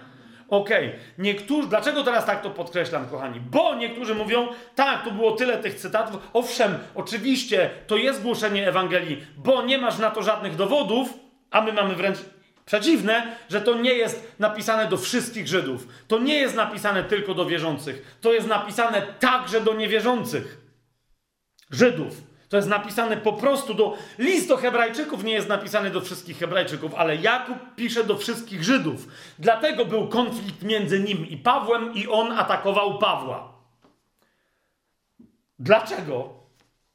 I rozumiecie, że zasadniczo, jak przyciśniesz jednego z drugim komentatora biblijnego, to ci powie, yy, no bo Jakub 2.2. Czyli w Jakubie 2.2, w drugim, czyli. Yy, w drugim rozdziale listu Jakuba, w drugim wersecie czytamy, gdyby bowiem na wasze zgromadzenie przyszedł człowiek ze złotym pierścieniem i tak dalej, i tak dalej, i tak dalej, nie? I niektórzy mówią, że no i co tu się dzieje? Mówię, no nie wiem, no, gdyby ktoś przyszedł na zgromadzenie, ale jaki tutaj jest grecki wyraz? No ja wiem, jaki tutaj jest grecki wyraz. Synagoga. Synagoga. No i no widzisz, czyli w takim razie to jest mowa o tym, że gdyby do waszej synagogi przyszedł jakiś człowiek, no nie, ponieważ, jeszcze raz, to jest klasyczny aleksandryzm. Aleksandryzm. Wiesz o co mi chodzi, nie? Oni tam na zgromadzenie po grecku nadal posługiwali się hebraizmem, czyli mówili synagoga. Ok? Czyli mówili synagoga na wasze zgromadzenie. No tak, ale to jest dowód na to, że to są w takim razie tacy Żydzi, co nie rozumieją o co chodzi. Nie, nie, oni rozumieją. Co innego przechodzić do synagogi, a co innego mieć synagogę i przechodzić na synagogę. Rozumiecie o co mi idzie? To, że ktoś ma kościół domowy, który się może nawet nie spotykać, ale ma swój kościół, to nie znaczy, że ma budynek, który się nazywa kościołem i że on do niego chodzi. Tak? To jest, to jest pierwsze. Ale nie, nie, ale to jest synagoga i tu. Mhm. Jeżeli w takim razie tak jest i to jest list do Żydów, to w takim do wszystkich Żydów, także niewierzących, to jak niewierzący Żyd ma zrozumieć całą resztę tego listu z wyjątkiem drugiego wersetu i drugiego rozdziału? Inaczej, drugiego wersetu w drugim rozdziale. Weź mi wy, wyjaśnij. Począwszy od pierwszego wersetu, Boga i Pana Jezusa, który jest Chrystusem, sługa Jakub, pisze do Żydów. Do jakich? Jeżeli oni nie uznają go Mesjaszem, jeżeli nie uznają tego Mesjasza Panem i Bogiem, jakiego? Jezusa, to ja, rozumiesz o co mi chodzi? To jak to jest list do wszystkich? Plus, owszem, posługuje się w tym miejscu tego rodzaju sformułowaniem e, Jakub, ale jednocześnie w piątym rozdziale, w czternastym wersecie powiada, choruje ktoś wśród was, niech przywoła starszych kościoła i tu już kościół nazywa eklezją, a nie synagogą. Rozumiecie to? Więc istnieje większe zgromadzenie, które się nazywa eklezją, jak i w wszystkich innych miejscach Biblii, zgromadzenie, zwołanie świętych bożych, tylko chrześcijańskie stricte określenie, które ma swoich starszych, którzy niekoniecznie są w poszczególnych, rozumiecie, synagogach na przykład domowych w cudzysłowie teraz gadam, tak? Mniejszych zgromadzeń, to jest to, zgromadzenie miejsca, miejscowości danej ma starszych. Eklezja danej miejscowości ma starszych, tak?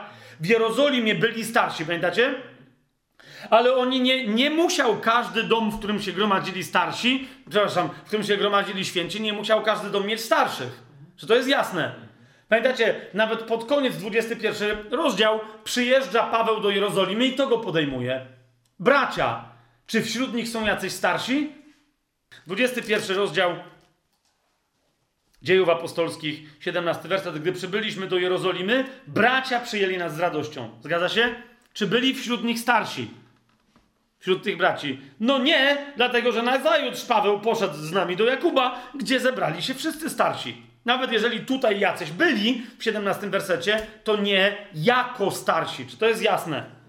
Tak? Zresztą tych starszych nigdy za wielu nie było. E, w każdym razie nie tylu, żeby obsługiwać wszystkie domy, w których się gromadzili święci. Zresztą nie było takiej potrzeby, w których się łamali chlebem i, e, i dzielili winem. Tak? Zatem jeszcze raz, w momencie, kiedy e, Jakub mówi, macie jakieś zgromadzenie, nieważne jakie, nieważne jakie, to nazywa takie zgromadzenie synagogą. na sposób aleksandryjski. W momencie, kiedy jednak mówi o kościele takim, w którym są starsi, a więc o kościele miejscowości, wtedy mówi, choruje ktoś was, niech przywoła starszych eklezji, a nie synagogi. Czy to jest jasne? I znowu, jak to może być list e, w takim razie do Żydów niewierzących, którzy nie wiedzą wtedy, co jest grane?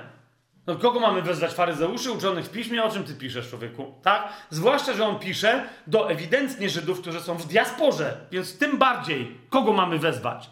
Chrześcijanie wiedzą, ale chrześcijanie za starszych mają kogoś innego niż Żydzi wtedy mieli. Oni w zasadzie wtedy wszystkich swoich starszych to mieli, ale yy, w Jerozolimie, w diasporach byli co najwyżej przełożeni synagog, a to byli inni ludzie. Wiecie o co mi chodzi?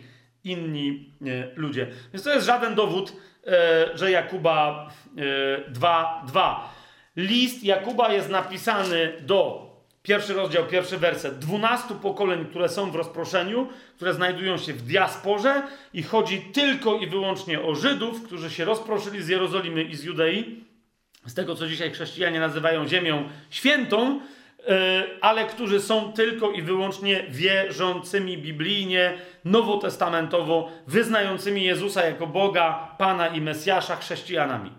Jasne? I do chrześcijan napisany jest ten list. W, w okresie prawdopodobnie w 40 latach I wieku, najprawdopodobniej, bo jest to okres między 12 a 15 rozdziałem E, dziejów apostolskich i to list Jakuba czyni najstarszym nowotestamentowym e, pismem absolutnie. Okay? Jako od początku do końca sformułowanym i zredagowanym i opublikowanym do wiedzy jakichś tam ludzi, którzy otrzymywali go jako list. Jest to bardzo ważna informacja, już się parokrotnie do tego odwoływałem, już w zasadzie prawie kończymy, tylko jeszcze dwie uwagi na koniec podam. Po pierwsze, gdy chodzi o ten niby konflikt Jakuba atakującego Pawła. Nie wiem, czy już rozumiecie, o co mi chodzi. Nie? Po pierwsze, kochani, ja tu sobie przed naszym dzisiejszym spotkaniem wypisałem, e, mamy e, takie całe nauczanie e, i jak ktoś będzie tym zainteresowany, to jest tajemny plan, sezon siódmy, odcinek dziewiąty. Tajemny plan, sezon siódmy, odcinek dziewiąty, który się na YouTubie pojawił pod tytułem, nauczanie, które się pojawiło pod tytułem Czy Jakub sprzeciwia się Pawłowi? Tak? Ja tam wtedy, yy, yy, tam zasadniczo poruszam problem, który już Marcin Luther miał, o czym dzisiaj na, na wstępie wspomniałem, że mianowicie e, Jakub koncentruje się na tym, że wiara bez uczynków jest martwa, jak gdyby uczynki decydowały o tym, że ktoś ma wiarę, a, ma, a Marcin Luther twierdził, że to jest sprzeczne z e, całą resztą Nowego Testamentu, który mówi, że jesteśmy zbawieni łaską przez wiarę, nie z uczynków, żeby się nikt nie chlubił. Tak? Więc e, Marcin Luther miał problem, że Jakub atakuje Pawła. E, myśmy rozważyli, czy on go atakuje, ale w jakim sensie i w jakim kontekście. Czy teologia zawarta w liście Jakuba jest sprzeczna z teologią na przykład Pawła w liście do Rzymian, w liście do Galacjan i tak dalej, i tak dalej. W tym sensie. Dlaczego? Bo w sensie chronologicznym tego typu postawienie sprawy, tego typu wymyślenie konfliktu nie ma najmniejszego sensu, bo jak Jakub miał atakować Pawła, kiedy Paweł, że się tak wyrażę, jako chrześcijanin cokolwiek robiący, nie istniał i jego pisma nie istniały. Więc z czym miał dyskutować Jakub? Tak? A trochę tak e, w paru swoich tekstach e, zdaje się Marcin Luther nie trochę tylko wprost przedstawiać e, ten list Jakubowy. Jakby Jakub napisał ten list wręcz, jemu się tak wydawało, żeby się przeciwstawić Pawłowi. Później wielu, między innymi cały Kościół rzymskokatolicki, wykorzystywał list Jakuba dokładnie w taki sposób, żeby pokazać, że czyste rozumienie łaski bez związku z jakimkolwiek uczynkiem jest niewłaściwe, bo przecież Jakub, który też jest natchniony, mówi wyraźnie, że wiara składa się z uczynków. I to była droga obrony w kościele rzymskokatolickim, e, rzymskokatolickim koncepcji sakramentów. Że to, że ktoś coś ma, jakąś wiarę w sobie, dopóki nie podda się, a więc uczynkowo nie wykona, nie podda się wykonaniu na sobie czynności sakramentalnych, dopóty nadal jego wiara nie ma żadnego znaczenia. Czy to jest jasne? Więc w tym e, nauczaniu, czy Jakub sprzeciwia się Pawłowi, ja nie mówiłem o tym, nie, i nie to miałem na myśli, że Jakub mógłby się kłócić z Pawłem, Również nie, na pewno, e, bo ktoś powie, no ale Paweł mógł się kłócić z Jakubem. Zauważcie, że Paweł mówi o Jakubie. Łukasz, bliski współpracownik Pawła, zna świetnie Jakuba. Cytuję go. Paweł i Łukasz znają list Jakuba. Rozumiecie, o co mi chodzi? Gdyby Paweł, głosząc łaskę, przeci- chciał się sprzeciwić, przeciwstawić, podważyć nauczanie Jakuba, to gdzieś znaleźlibyśmy jakiekolwiek odwołanie, że Paweł cytuje Jakuba i mówi: Chłop się nie ogarnął, rzeczy się inaczej mają. Czy to jest jasne? Uwierzcie mi, możecie czytać Pawła od początku do końca i od końca do początku Pawła i nigdzie nie znajdziecie choćby delikatnej wzmianki czy sugestii, w ramach której Paweł by się nie zgadzał z Jakubem. Natomiast znajdziemy całą masę konkretnych wzmianek, w których zaraz po tym, jak już Paweł mówi, że łaska nas zbawiła, mówi o tym, że ona nas uzdatniła do dobrych uczynków i że po dobrych uczynkach poznasz, czy ktoś, kto twierdzi, że ma wiarę, czy ją rzeczywiście miał i czy jest zbawiony. Dokładnie taka sama logika jest na przykład w, mm, u Piotra, czy na przykład w pierwszym liście Jana, który wyraźnie mówi, że po tym, jak się ktoś zachowuje, poznasz, czy był nowonarodzony, a więc czy miał wiarę. Jasne to jest? A nawet jak ktoś miał wiarę, a potem robi to, co robi, to znaczy, że się jej wyparł. Po czym to poznasz? Po uczynkach. A nie, że bez uczynków nie można mieć wiary zbawiającej.